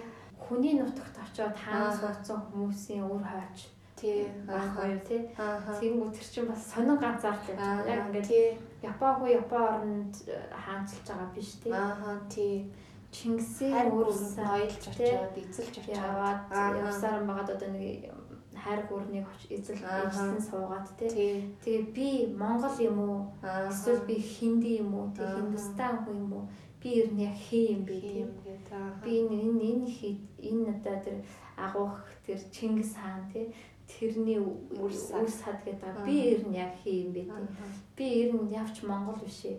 Эсвэл би яаш нэгтгэх биш. Би одоо яг хээ ингэ бодоод байгаа шүү дээ. Тэр тэр санам ганцаардаг тэр хаан хүний ганцаарлаг ганцаардаж шаналж мухардаж цөхрөөд байгаа штэ бүр тийм тэрийг философийн асуудал гаргасан тийм зохиол уншаад.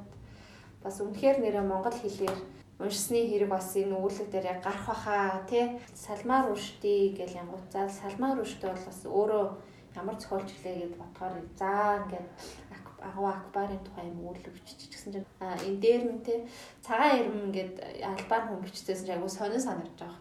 Тэгээ бидний түүх гэдэг чинь үнэхээр л бас агуул түүх тий Тэгээд аа тэр нөгөө салма биш ээ Исмаил Кадар бол амар тийм судалгаатай үзсэн байна тий. Тэр одоо яг тэр нөгөө хэл дээрээ хуралтай яг монгол хэлээр нь бичсэн байгаа байхгүй одоо. Би ингээд их хуралтай хураад энэ төр гээд ингээд тэгэхээр уншигчд за энэ баг хурал гэсний хуралтай гэдээ орчуулсан чинь монголчсан байх гэж бодож байгаа. Гэхдээ яг тэр их зохиол дээр хуралтай. Тийм үү доолн төмөр хаан одоо тий. Одоо яг тэр монгол нэршлүүд нь шүү тэр их чи яг ингээл өргөө орд одоо бүгдийг ингээд яг монголоор нь бичсэн байхгүй. Яг монгол хэлээр нь. Тэгэхээр тэр асар их тийм түүх уншиж судалгаа хийж тий. доолн төмөрийн тэр эзэлж явсан тэнд нэг тим хааныг эзэлж аваад Сибирийн хүүтнэр Сибирийг хөндлөн гулд хөөж илдээ гэмтэргээ бичиж байгаа. Хүн дээр бодтой түүх байгаа байхгүй? Тэгэхээр бол айгүй их юм судалгаа хийж түүх уншсны хүрээнд нэг бичсэн. Тэгээ энэ өгүүлэг бичигдсэн юунаас сонирхолтой шүү дээ. Одоо тий цагаан хэрмийн наан цаана байгаа хоёр хүний югаар ингээд сөөлжлөөр бичсэн байхгүй юу? төлөөлөд одоо хятад Монгол хоёроо даамал шүүн гэд нэг хүний бодрол ингээ яваад идэг штэ тий. Гэт нөгөө цалд нь болохоор Монгол цэрэг хүртлүүгээр ингээд тэр доглон төмөр хааны үйл хэрэг эзлэн байлдан дагуулт энэ тэрийг ингээ харуулад дунд нь цагаан хэрэм ингээ явж идэг. Тэгээ энэ өөр бас айгүй сонирхолтой зохиол. Хоёр үндэсний тий хоорондын нөгөө харилцааны асуудлыг тий. Хоёр үндэсний надад энэ битсэн хэлбэрнээс айгүй сонирхолтой санагдчихсэн. Тэргээр бас аа. Тэгээ бас амар амар одоо эвгүй эвгүй санаануудыг бас ингэж шүү дээ. Тэгэнгүүт энэ хоёр улс үндэстэнтэй Хятад Монгол гэдэг хоёр улс. үндэстний харилцааны яг тэр нарийн торгомын хүн юм нь юу байдаг вэ гэдэг бүр тэр албан хүн бүр тэр холоос амар сайн ажилласан баг тийм ер нь хятад хөөрөн гөрөн гэдэг чинь энэ дээр бүр айгүй тийм тодорхой харагддаг. Хятад хөөрөн гөрөн гэдэг чинь одоо тийм өнөөдөр ингээ газар нутгаа ч юм уу хүн ардаа ч юм уу юугаар ч ингээ алдчихлаа гэж бодоход тэрийг эргүүлээд торгоныхоо ингээр буцааж авдаг гэж авдаг. гэж хэлсэн тийм талцсан бүх юма торгоныхоо ингээр буцааж авдаг гэж тийм энэ бол нөгөө тэр хятад гөрөн эзэлж төрмгийлж дайрж те ингэж биш давшиж биш тэр ингэж торгоны ингээр хэмжиж те мэраж гихтэж гой сайхан ямаараа ингэж те илтгэж бичиж байгаа ингэж илтгэж байгаа давдаг гэсэн санаа авах штэ те. Хоёрт нь болохоор долон төмөр хаан цэргүүдтэй те. Одоо ингээд цагаан хэрмийг ажиглаж бай, ажиглаж бай гэж байгаа болохоос биш. Дайраа татлаад аваад ир гэж хэлдэггүй тий. Яг нууц нь юу байсан бэ гэдэг тэгэхээр Ер нь энэ хэрэм болвол цаг цагийн хөрвөөлтөөр аль нэг талд нь ашигтайгаар иргэдэг юм а тий. Нэг нэг цагт ингээд хятадуудад ашигтай хятадуудыг хамгаалах нөгөө нэг цагт монголчуудыг өөрсдийг нь хамгаалах өөрсдөө алтхаас хамгаалж өөрсдөө өөр өөрсдөө алтхаас хамгаалж байдаг тий. Одоо монголчуудыг хамгаалах хэлнэ. Хэрмэн чинь тий хятадууд нь хамаагүй. Монголчуудыг хамгаалах хэлж. Тэгээ монголчууд тий ингээд цэрэг нь болохоор ингээд тий за очоод те энэ цагаан ярмыг дайрч ороод те үзэсгэлэнтэй гоо охид эмсийг нь эзэмдээл те гоё торго дурдмыг нь те булааж авахгүй те. өөр хэлбэл яг тийм нэг гоо юмд нь татагдаад шүү дээ тийм өнгөц юмд нь татагдаад шүү дээ тэгтэл тэрнээс монголчуудыг хамгаалаад тэр маршаад шүү дээ тэгтэл нөгөө төмөр хаам тэрийг мэдж байгаа болохоор тийм Бээжин лөө юу илч илгээгээд та нар хэрмээ бэхэл гэж хэлдэг. Хэрмээ бэхэл. Өөрөөр хэлбэл. Наад хэрмээ бэхлээ гэж хэлдэг. Нь яг бид нар дайраад орно шүү гэсэн утгатай боловч цаана юу мана мана зэргүүдийг хашаад бай. Битгий оруул бид ингээд танаа энэ нэг том юмд ч уусаж алдарч үүний магад гэсэн санаа байх гэдэг шүү дээ. Тэгэхээр энэ амар тийм том санаа тий энэ хоёр орнд нь яхаар өгөөсөшгүй юм торгон юм хүн ардын одоо байгалийн өвөглийг юм уу натур тий. түүн дээр үндэслэн сонио харилцаа тий. Тэр харилцааны явцад гарч ирсэн тэр хэрэм гэдэг юм аа хэлсэн шүү дээ тий. Тийм тийм зохиол байсан. Тэгэхээр сонирхолтой. Тий тэгээд Тэгээ нэг спойлертад нэг нөгөө бонус трек гэдэг шиг нэг өгүүлгээ ярьж өглөө шиг. Тэгтээ ястал тэгтээ. Тийм. Аль болох спойлердахгүй гэдэг. За Ким Ён Хо бас айгуу сонирхолтой өгүүлэг байсан шүү дээ. Бас айгуу сонир санагдах бах. Алгай сэдвтэй тий одоо. Би одоо нөгөө түрүүний ярьсан шүү дээ. Өгүүлэг сонгох болгонд нөгөө улс орны уран зохиолын онцлогийг бас харуулах Харуулах гэдэг. Тэгээ ягаад энэ энэ чинь нэг аа, эмэгтэй хүний нэг хайр сэтгэлийн түүхийг нэг аллах алхаад тий. ирж байгаа Аа. гимт хэрэгээ. Тэгтэл солонгосчуудын киноч тэр уран зохиолч тэр яг тийм тийм crime minded байхгүй Аа, гимт хэрэг minded яг ингээ Тий. харагддаг тийм одоо жишээлбэл Кимкедокийн зохиол кинонуудыг ингээд үзэхэд ингээд шоронд үйл явдал өрнөдөг ч юм уу. Эсвэл одоо тэр нөгөө нэг Three Iron гэдэг кино ярьж чинь манай Аа. дүүж орчуулдаг үлээ бас ингээл нэг тийм гимт хэргийн орчинд л ингээ хүний Харилцаа. хайрлаа. Эсвэл бүр амар сонин одоо тэр миний нэг орчуулдаг кино ч. Яруу найраг гэх кино. Яруу найраг чинь хэн блэ? Аа Ли Чандон. Аа яг Ли Чандоны Яруу найраг гэх кино чинь бас Яруу яг найрагын тухай үлгэж байгаа кино дээ. Тэгтээ тэгсэн хэрэг эргийн тухай байдаг дээ. Хүчингийн хэрэг эргэн тойронд ингэж явсаар Аа, байгаа. аа, Үнэхээр яруу найраг гэдэг чинь ийм цэвэр ариун гоё юм шүү дээ. аа. Гараад ирдэг. Аа, Тэгсэн хэрнээ бейс ингээ хүчингийн хэрэгтэй амар тийм бохор одоо их хүнд юм дээр дээ. Аа. Тэгэх наад чи бас яг тийм Бас тийм. аллах тойрсон. Тэгсээр яг эмгтэй хүний хамгийн нарийн нандин тийм эмзэг юмыг хүнддэг. Тий. Тийм байгаа. Тэгэхээр яг ингээ солонгосчууд солонгосын уран зохиол солонгосын онцлог нь яг тийм. Тэр юм байна шүү дээ. Ер нь бол тий харин кино урлагт тэр уран зохиолч гэсэн гардаг тэр онцлог. тий. Тийм. Тийм. Тэгэхээр одоо би яг энэ зохиол бол яг солонгосын уран зохиолыг бас ингээ төлөвлөж чадах юм байна гэсэн сонгож байна. Ким Ён Ха гэдэг энэ одоо Аа энэ нь болохоор бас нөгөө миний нөгөө хамрагдсан Аявага олон улсын хөтөлбөрт 2007 он байхаа. Аюурсан нахтай хамт нэг Оо тийм үү. нэг жил тэр хоёр хамт тэр Аявага олон улсын хөтөлбөрт хамрагдчихсэн юм байна лээ. Тэр нөгөө энд олон одоо Аяогийн төгсөгчд байгаа л да наад чинь Аа. Ким Ён Хо байгаа. Нүүдэг арлын тийм. байгаа одоо тийм. Тэгээ ер нь нэг орчин үеийн уран зохиолын хам- хамгал манлаанууд нь одоо яг тэргээр яг ингээд яваад өнгөрсөн байдаг. Би бас тэр програмд гарахтай ороод гарсан дайгаа олзуурхдаг. Хаа ч юм уу ханкан те солонгосын эсвэл одоо хаттын моян над юу хаа ч юм уу.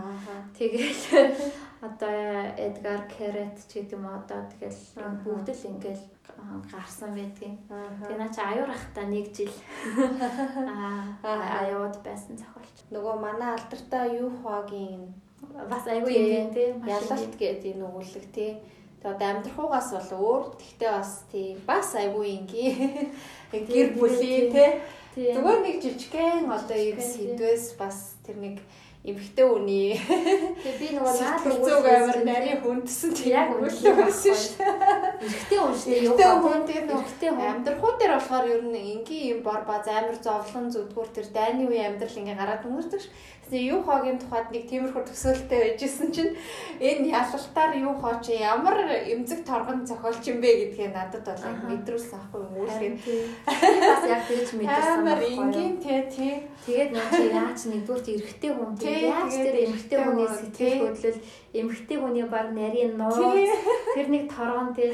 Тэгээд нэг олон ааш авирныхан цаад талын тэр нарийн найдан торгоо Тэр тэр нэг юмнуудыг ингээ гэж одоо эмхтэй хүний сэтгэлийг нэг одоо нэг нэг юм сархиагтай олон юм юутай нэг юм юу гэд бодох юм бол тэр болгоны нэг айгу эвтэйхэн тэмдрээ.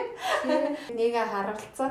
Би бас бодсон. тийм гоё байсан. нэгдүгээр эмэгтэй хүнийг тэгж нарийн мэдэрч тэгж гаргаж хоёрдугаар эмэгтэй хүн өөрөө яг энэ зүйлээр битсэн болол Тий, ингэж ингэж өөрийнхөө болов. нууцыг ингэж хамаа замраагүй Гаргаж ил ирчих гаргаж болов гэж, ичихгүй тий. энийг нууцаа авч ямар нэгэн байдлаар үлдэн тий тий зохиол бичтэй ч гэсэн тий.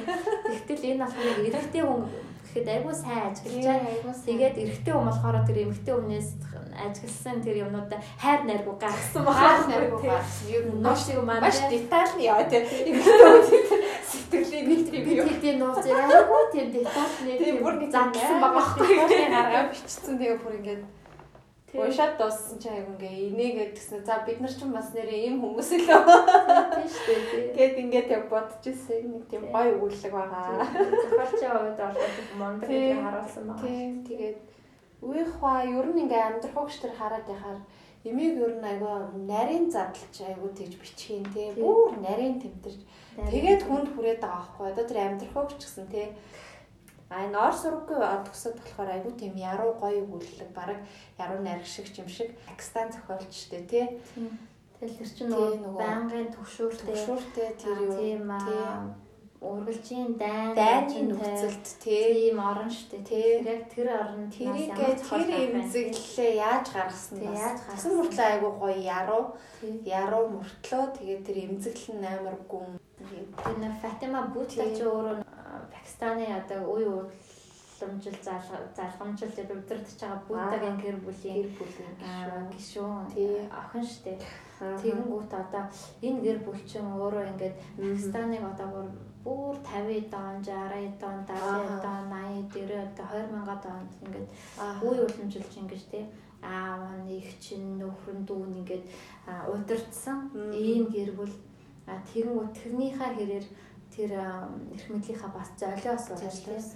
Дандаа ингэж одоо аав нь алагдсан, эгч нь алагдсан, өвөө нь алагдсан ингээд дандаа юм гэр бүлийн юм тус нүчтэй ийм дандаа түүх тэгээд тийм утгаараа энэ их орон гэдэг одоо өхөл хахцал гэдэг их орны төлөө өхөн гэдэг ч юм уу тий. Ааха. Үе удмаараа энэ их орон гэдэг юмтай хувь заяа нэгтгэж түүнд одоо түнтэй хамт мандах үедээ мандаж, гандах үедээ гандаж тий золигдох үедээ золигдож тий ямар юм бэ гэдгийг яг энэ яг амьдралаараа мэддэг хүний хувьд бичсэн байгаа байхгүй. Тий тэрхээр бас тий. Орс сургаггүй отгосод гэдэг өгүүлэл байна тий тэргээрээ их одоо санаа. энэ зохиолч надад аягүй сонирхолтой санагдал нөгөө энэ одоо номуудынх нь нэрлэхэд цус бас хилэмний дуу ингээд нэр дурсамжийн ном байгаа байхгүй тий. 20 сарны өдөр зүхталт цөлийн шивнэ гэдэг ингээд энэ нэрнүүд нь хүртэл яг энэ юугаа хилээд байгаа байхгүй. Ямар орны хин гэдэг зохиолч юу бичиж гэн гэдэг нь эндээс харагдаал аа сонголт хийхдээ асуудаг шүү дээ. За надад хиндүү шашинтай зохиолч хэрэгтэй, христийн шашинтай зохиолч хэрэгтэй тий. За надад одоо ислам шашинтай зохиолч хэрэгтэй гэх тий. За надад бэлгийн цөөх хэрэгтэй, надад усаатны цөөх хэрэгтэй гэж бүх юм ингэж тий. бодсон юм л да. Тэгээ энэ болохоор миний одоо ислам шашинд Аа зохиолчдын төлөөлөлтэй болгож авсан. Тийм тэгээ ойрхон дорндоос авсан энэ зохиолч байгаа. Тэгээ өөрөө нөгөө юм удирдахчдын гэр бүлийн тий. Тэгээд улс төх оронтойгоо гэр бүл нь хувь заяа нэгтэй энэ хүний түүх болохоор надад илүү тийм ойр санагдчихдаг. Авьяастай юм залуу эмэгтэй зохиолж байгаа шүү дээ. 80 оны тий. Манай одоо түүрээ хамгийн отхон зохиолж байгаа шүү дээ. Тэгээд үе тэнгийн бүсгүй байла 82 он гэдэг чинь одоо яг л үеийн үеийн хүн байгаа байхгүй юу? Тийм.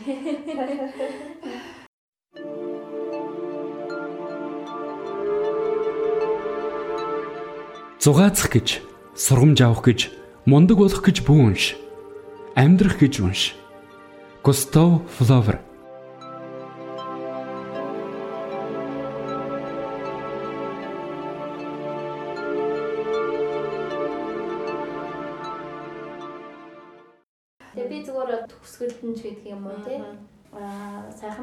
булаа минь нээлттэй хийгээд нээлтэн дээр би бас contemporary уран зохиол буюу энэ 45-аас өнөө үеийн хүртэлх уран зохиол. Тэр дундаа цааштай уран зохиол гэж юу юм бэ? Гэдэг тухайн нэг тийм бяцхан ихтгэл тавьсан. Тэгээд тэрнийхээ тэрнийхээ хүрээнд ингээд тавчгаа нэг ойлголт өгөхөд тийм намайг уншихад бас уншигчдад хэрэг бол болов гэдэг үүднээс. Ерөөдөө энэ contemporary уран зохиол гэдгийг болохоор энэ дэлхийн 2 дугаар данаас хойшоо өнөө хүртэл гэж авч үздэг юм шиг байна. Гэхдээ энэ бол энэ цаг хугацааны өвчлөл болохоос биш одоо урсгал чиглэл одоо тийм тийм юм биш. Цаг хугацааны өвчлөлийн үед ингэж авч үздэг. Тэгээ яагаад ингэ заавал дэлхийн 2 дугаар данаас хойш юм бэ гэхэлэр уран зохиол гэдэг чинь нийгмийн энэ процесстойгоо урлаг уран зохиол салшгүй байнга холбоотой байдаг шүү дээ. Одоо манайд 21 оны хувьсгал болоход шинэ үеийн уран зохиол гарч ирсэн. Нацагд орж буй нэмэг тэргүүтэнтэй гарч ирж байна тийм. 90 оны хувьсгал болоход дахиад шинэ уран зохиол гарч ирэл одоо бид нар мөнгө үе яруу найр гэнэ тэгээд мөнгө үеийнх ингээл ингээл гарч ирсэн юм чинь тий. Гэх мэтчлэн ингээ яг ингээд нийгэм цаг үеийн хөдөлгөөнтөө яг энэ урлаг утга зохиол гэдэг юм шиг амар салшгүй холбоотой одоо уран зохиолыг одоо улс төр өөс ангид зүйл одоо юу гэдгээ те. Нийгмийн асуудлаас ингээл хүн дээр үлсгэл байдаг бол үчим чи ингээд яг энэ дугуйлуудыг уншаал шиг салшгүй холбоотой ингээд явж идэг ийм зүйлээ. А 45 он одоо тий дэлхийн 20 дугаар даны дараа тэр их аллах цөөлөг яргалал хайрцлал тий хорхлагаар одоо бүх юмыг аймглан устгал тий бүх юмыг хүн төрлөختөл туусны дараа. маань ч нэг хүн төрлөختнөөрөө тий бараг бодолч юм тий бодож үзэх. Юу болох өнгөрөө яа бид яаж явж байгаа тийм юм болчих. Бид юуг одоо энэс орчих шиг хэвээр юм, юуг буруу гэж үзэх хэвээр юм, юуг зөв гэж тэрч авах хэрэгтэй юм а гэдгээ ингээд шинжилж одоо одоо бүр апдейт хийгдсэн ба шүү дээ. А тэрнтэй холбоотойгоор энэ олон хорих лагерыг туулсан тий. Энэ одоо зүгээр л нэг үндэстэн байсныхаа төлөө одоо устгалд орж байна гэдэг чинь юу юм бэ гэдгийг ингээд бодож эхлэхээр дэлхийд даяараа ингэж эрхчлөөний мэдрэмжээс хэрэгсэн гэсэн гэж хүнийг ингэж болохгүй юм байна. Хүнийг заяатмал одоо чанараар нь ингэж болохгүй юм байна. Үндэснийх нь хувьд ингэж болохгүй юм байна. Бид те расизм, национализм энэ энэ харгас үзлүүдэд өвөг гэж хэлэх хэрэгтэй юм байна гэдэг юм байна. Тэгээд одоо би хувь хүн гэдэг утгаараа ямар эрхтэй, үндэстэн гэдэг утгаараа ямар эрхтэй юм гэдэг юм. Ингээд эрхчлөөний үзлүүд ингэж яг өсөргөж өгсөн.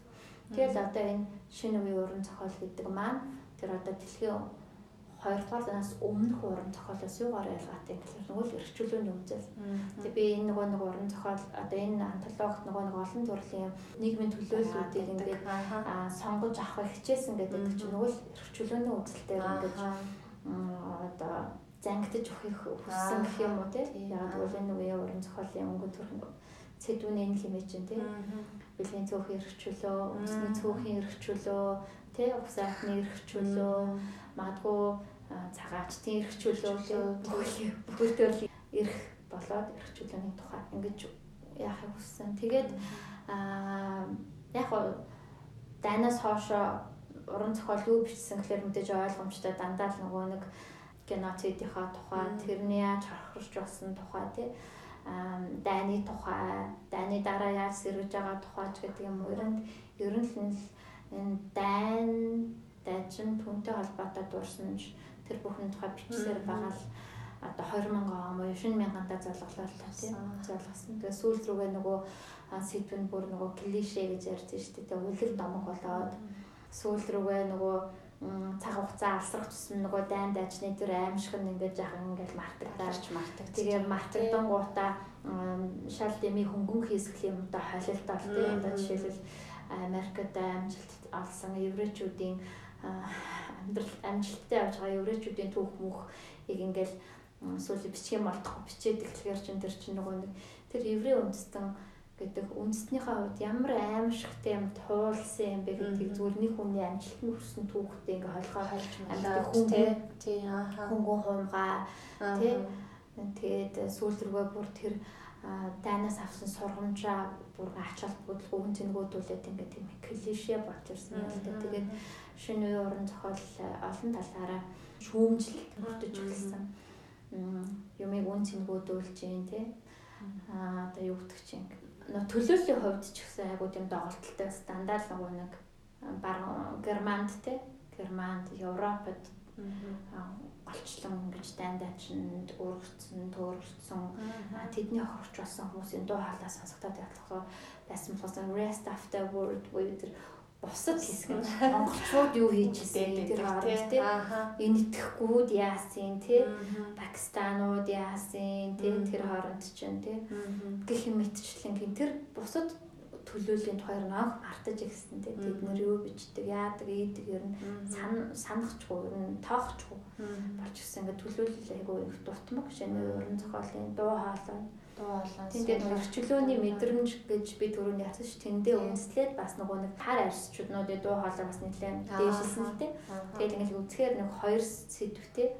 Тэгэхээр 2 дугаар дайн түүнийг таарсан хохирогчд болоод урсамжийн асуудал нөгөө талаар хөрчлөөний мэдэн суурь мэдрэмж одоо өндөрсөнтэй холбоотой арсны үзэлтэй юу болт аа боолчлын асуудал тий.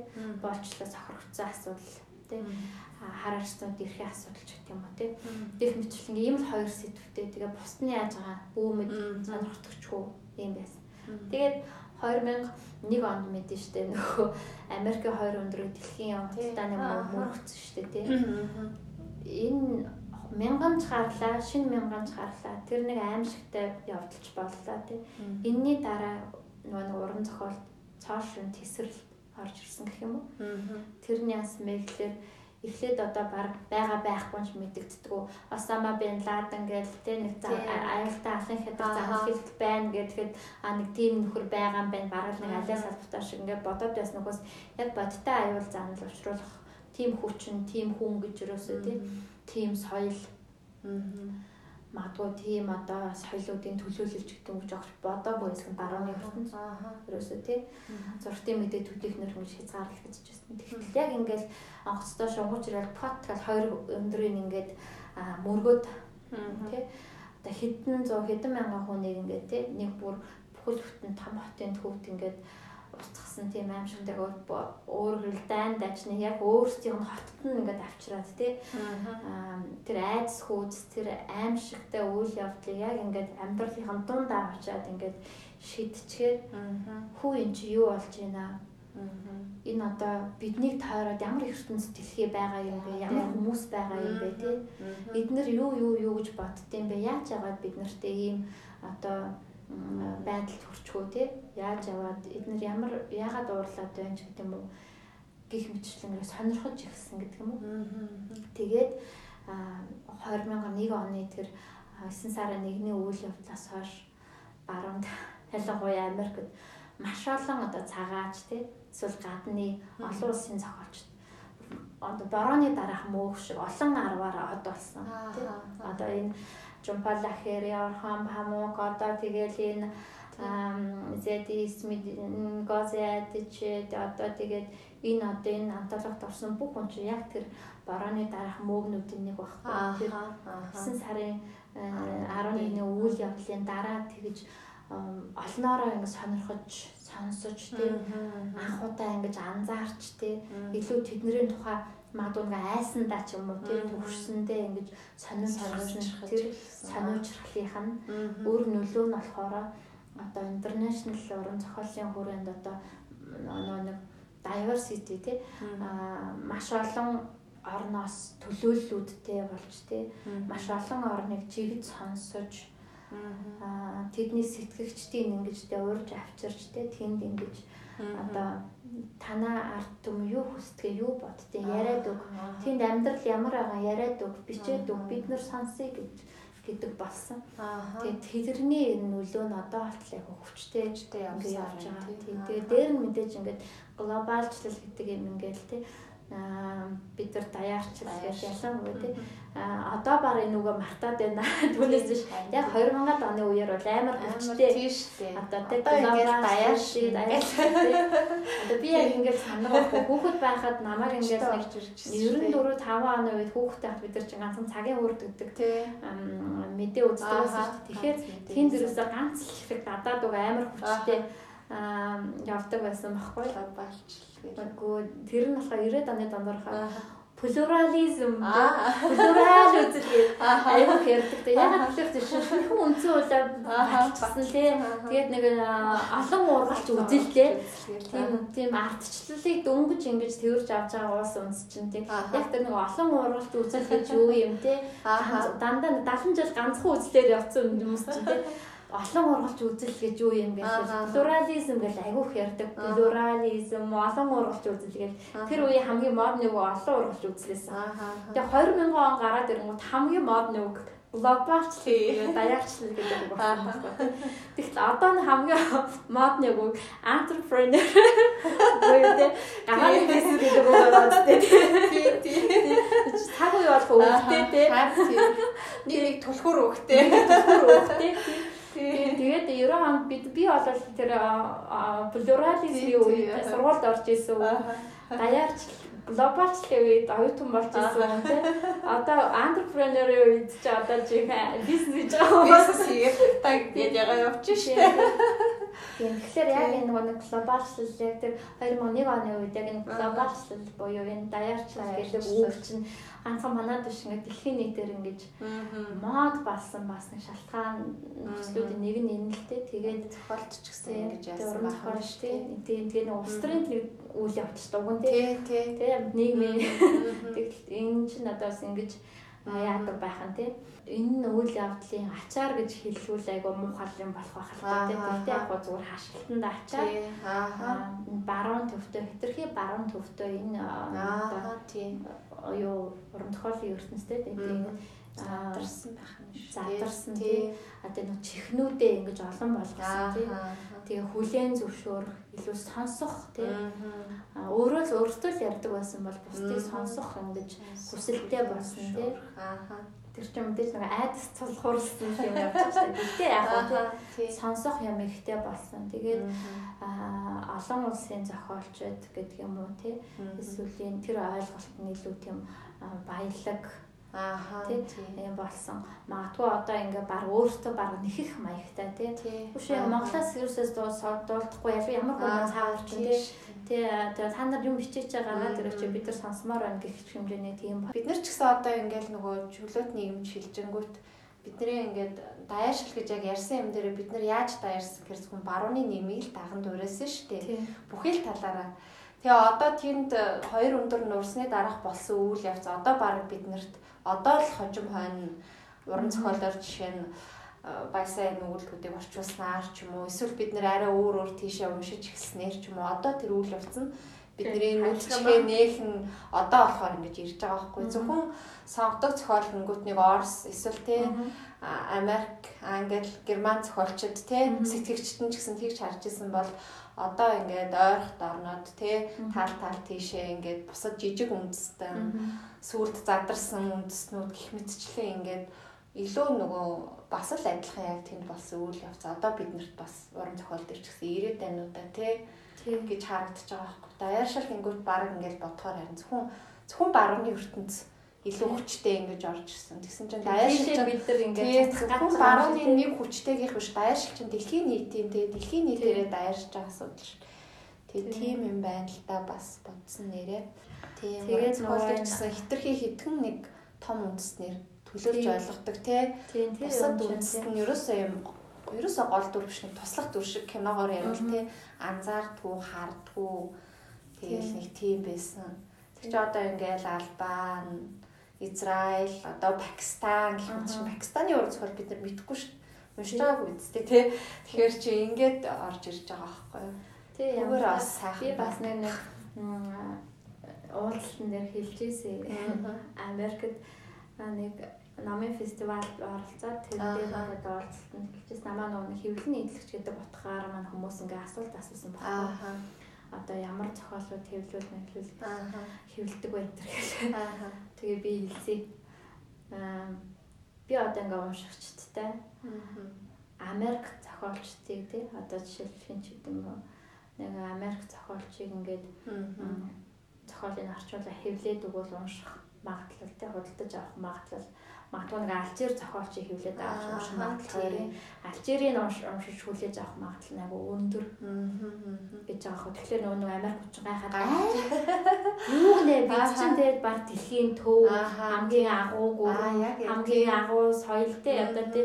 чи юу хэлчих вэ тий? Бид бол өөрсдийгөө тий тэд нар чинь тийм угаасаа л нэг тийм их гүрний тийм дээрэнгүү үзэл тиймэрхүү байгаа шүү дээ тий бид нар ч гэсэн хүчтэй явахдаа яг тийм л байсан баг. Яагаад монголчуудыг гэдэг байсан баг. Тэр шиг бид нар өөрсдийнхөө хувьд бол бид нар гэж бодож байгаа. Америкийн уран зохиол хамгийн агуу, Америкийн соёл хамгийн агуу. Бүх дэлхий ингээд амаа ангаагаад бид нарыг ингээд хараад ингээд байж идэг гэсэн ойлголт нь одоо ч гэсэн айгүй хүчтэй л байгаа байхгүй. Хэдийгээр хийж ингээд ингээд diversity нэмэгдэж байгаа ч гэсэн хүчтэй байгаа. Тэр ингээд хайгаа шокнд ордог.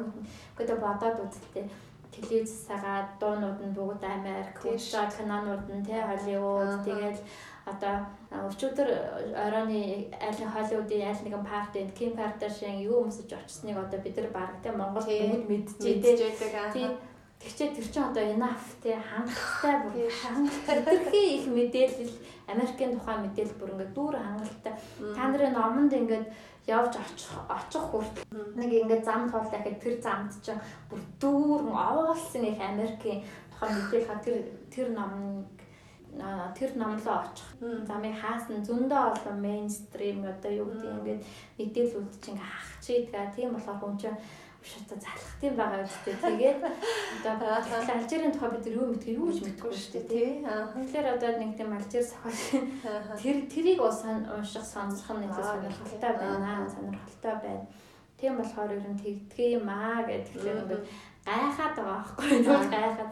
Тэр нь яг л тийм л байдаг л та ингээл ингээл ингээл анзаархаа. Одоо надад ч гэсэн ингээл Америк өгүүлэг гэдэр уушхаас илүү тийм энэ бусад жижиг үл анзаарч ирсэн тэр орнуудын зохиолууд илүү сонирхолтой тий. Эсвэл баг Азийн зохиолчд маань илүү сонирхолтой ч байх шиг яг тэг санагдчихж байгаа байхгүй юу? Тий, тэгдэг.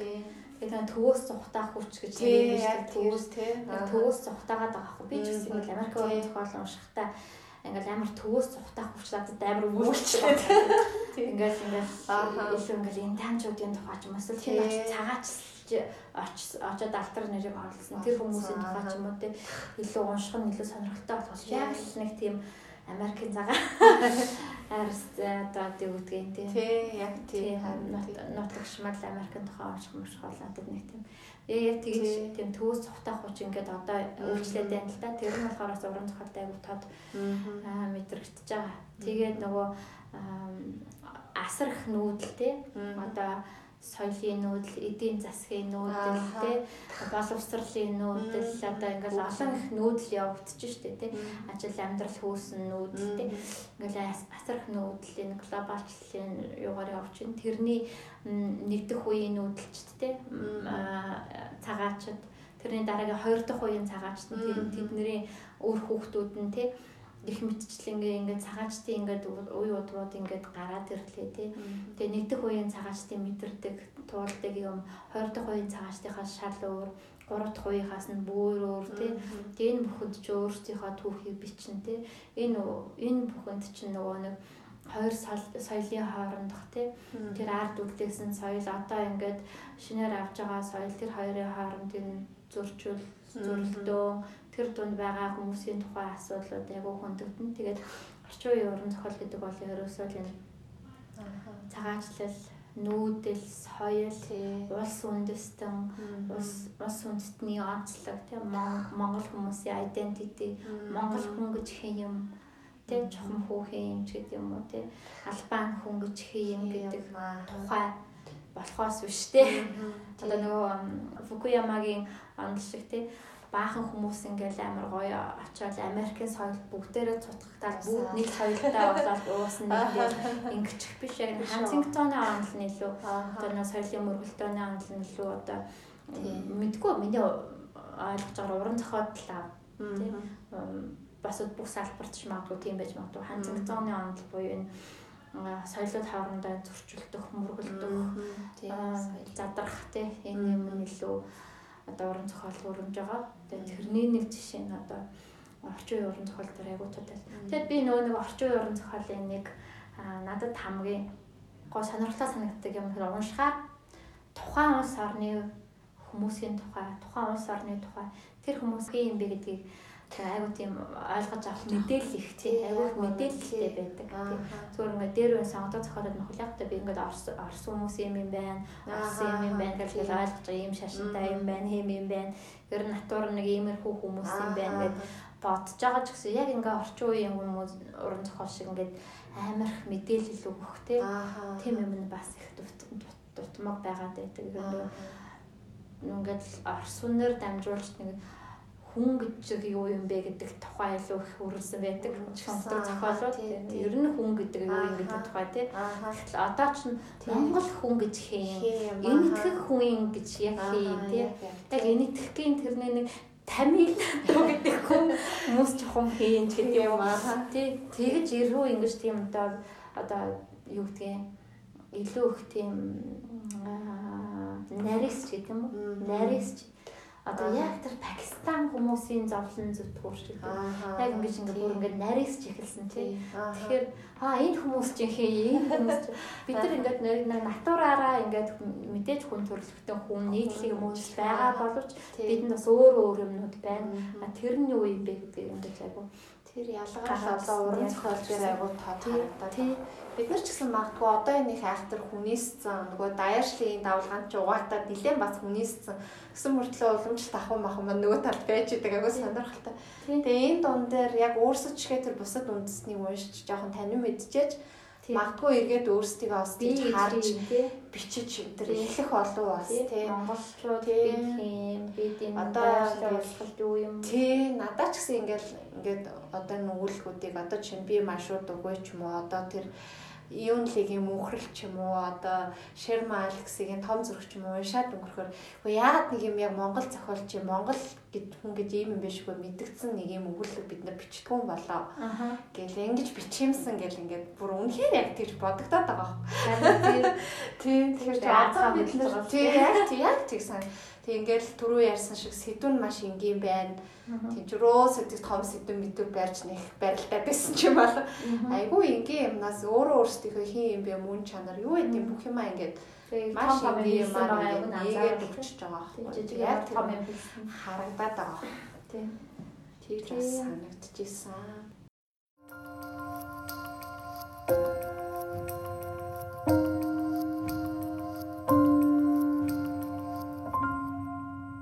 Тагтаа хэвлэлийн газар.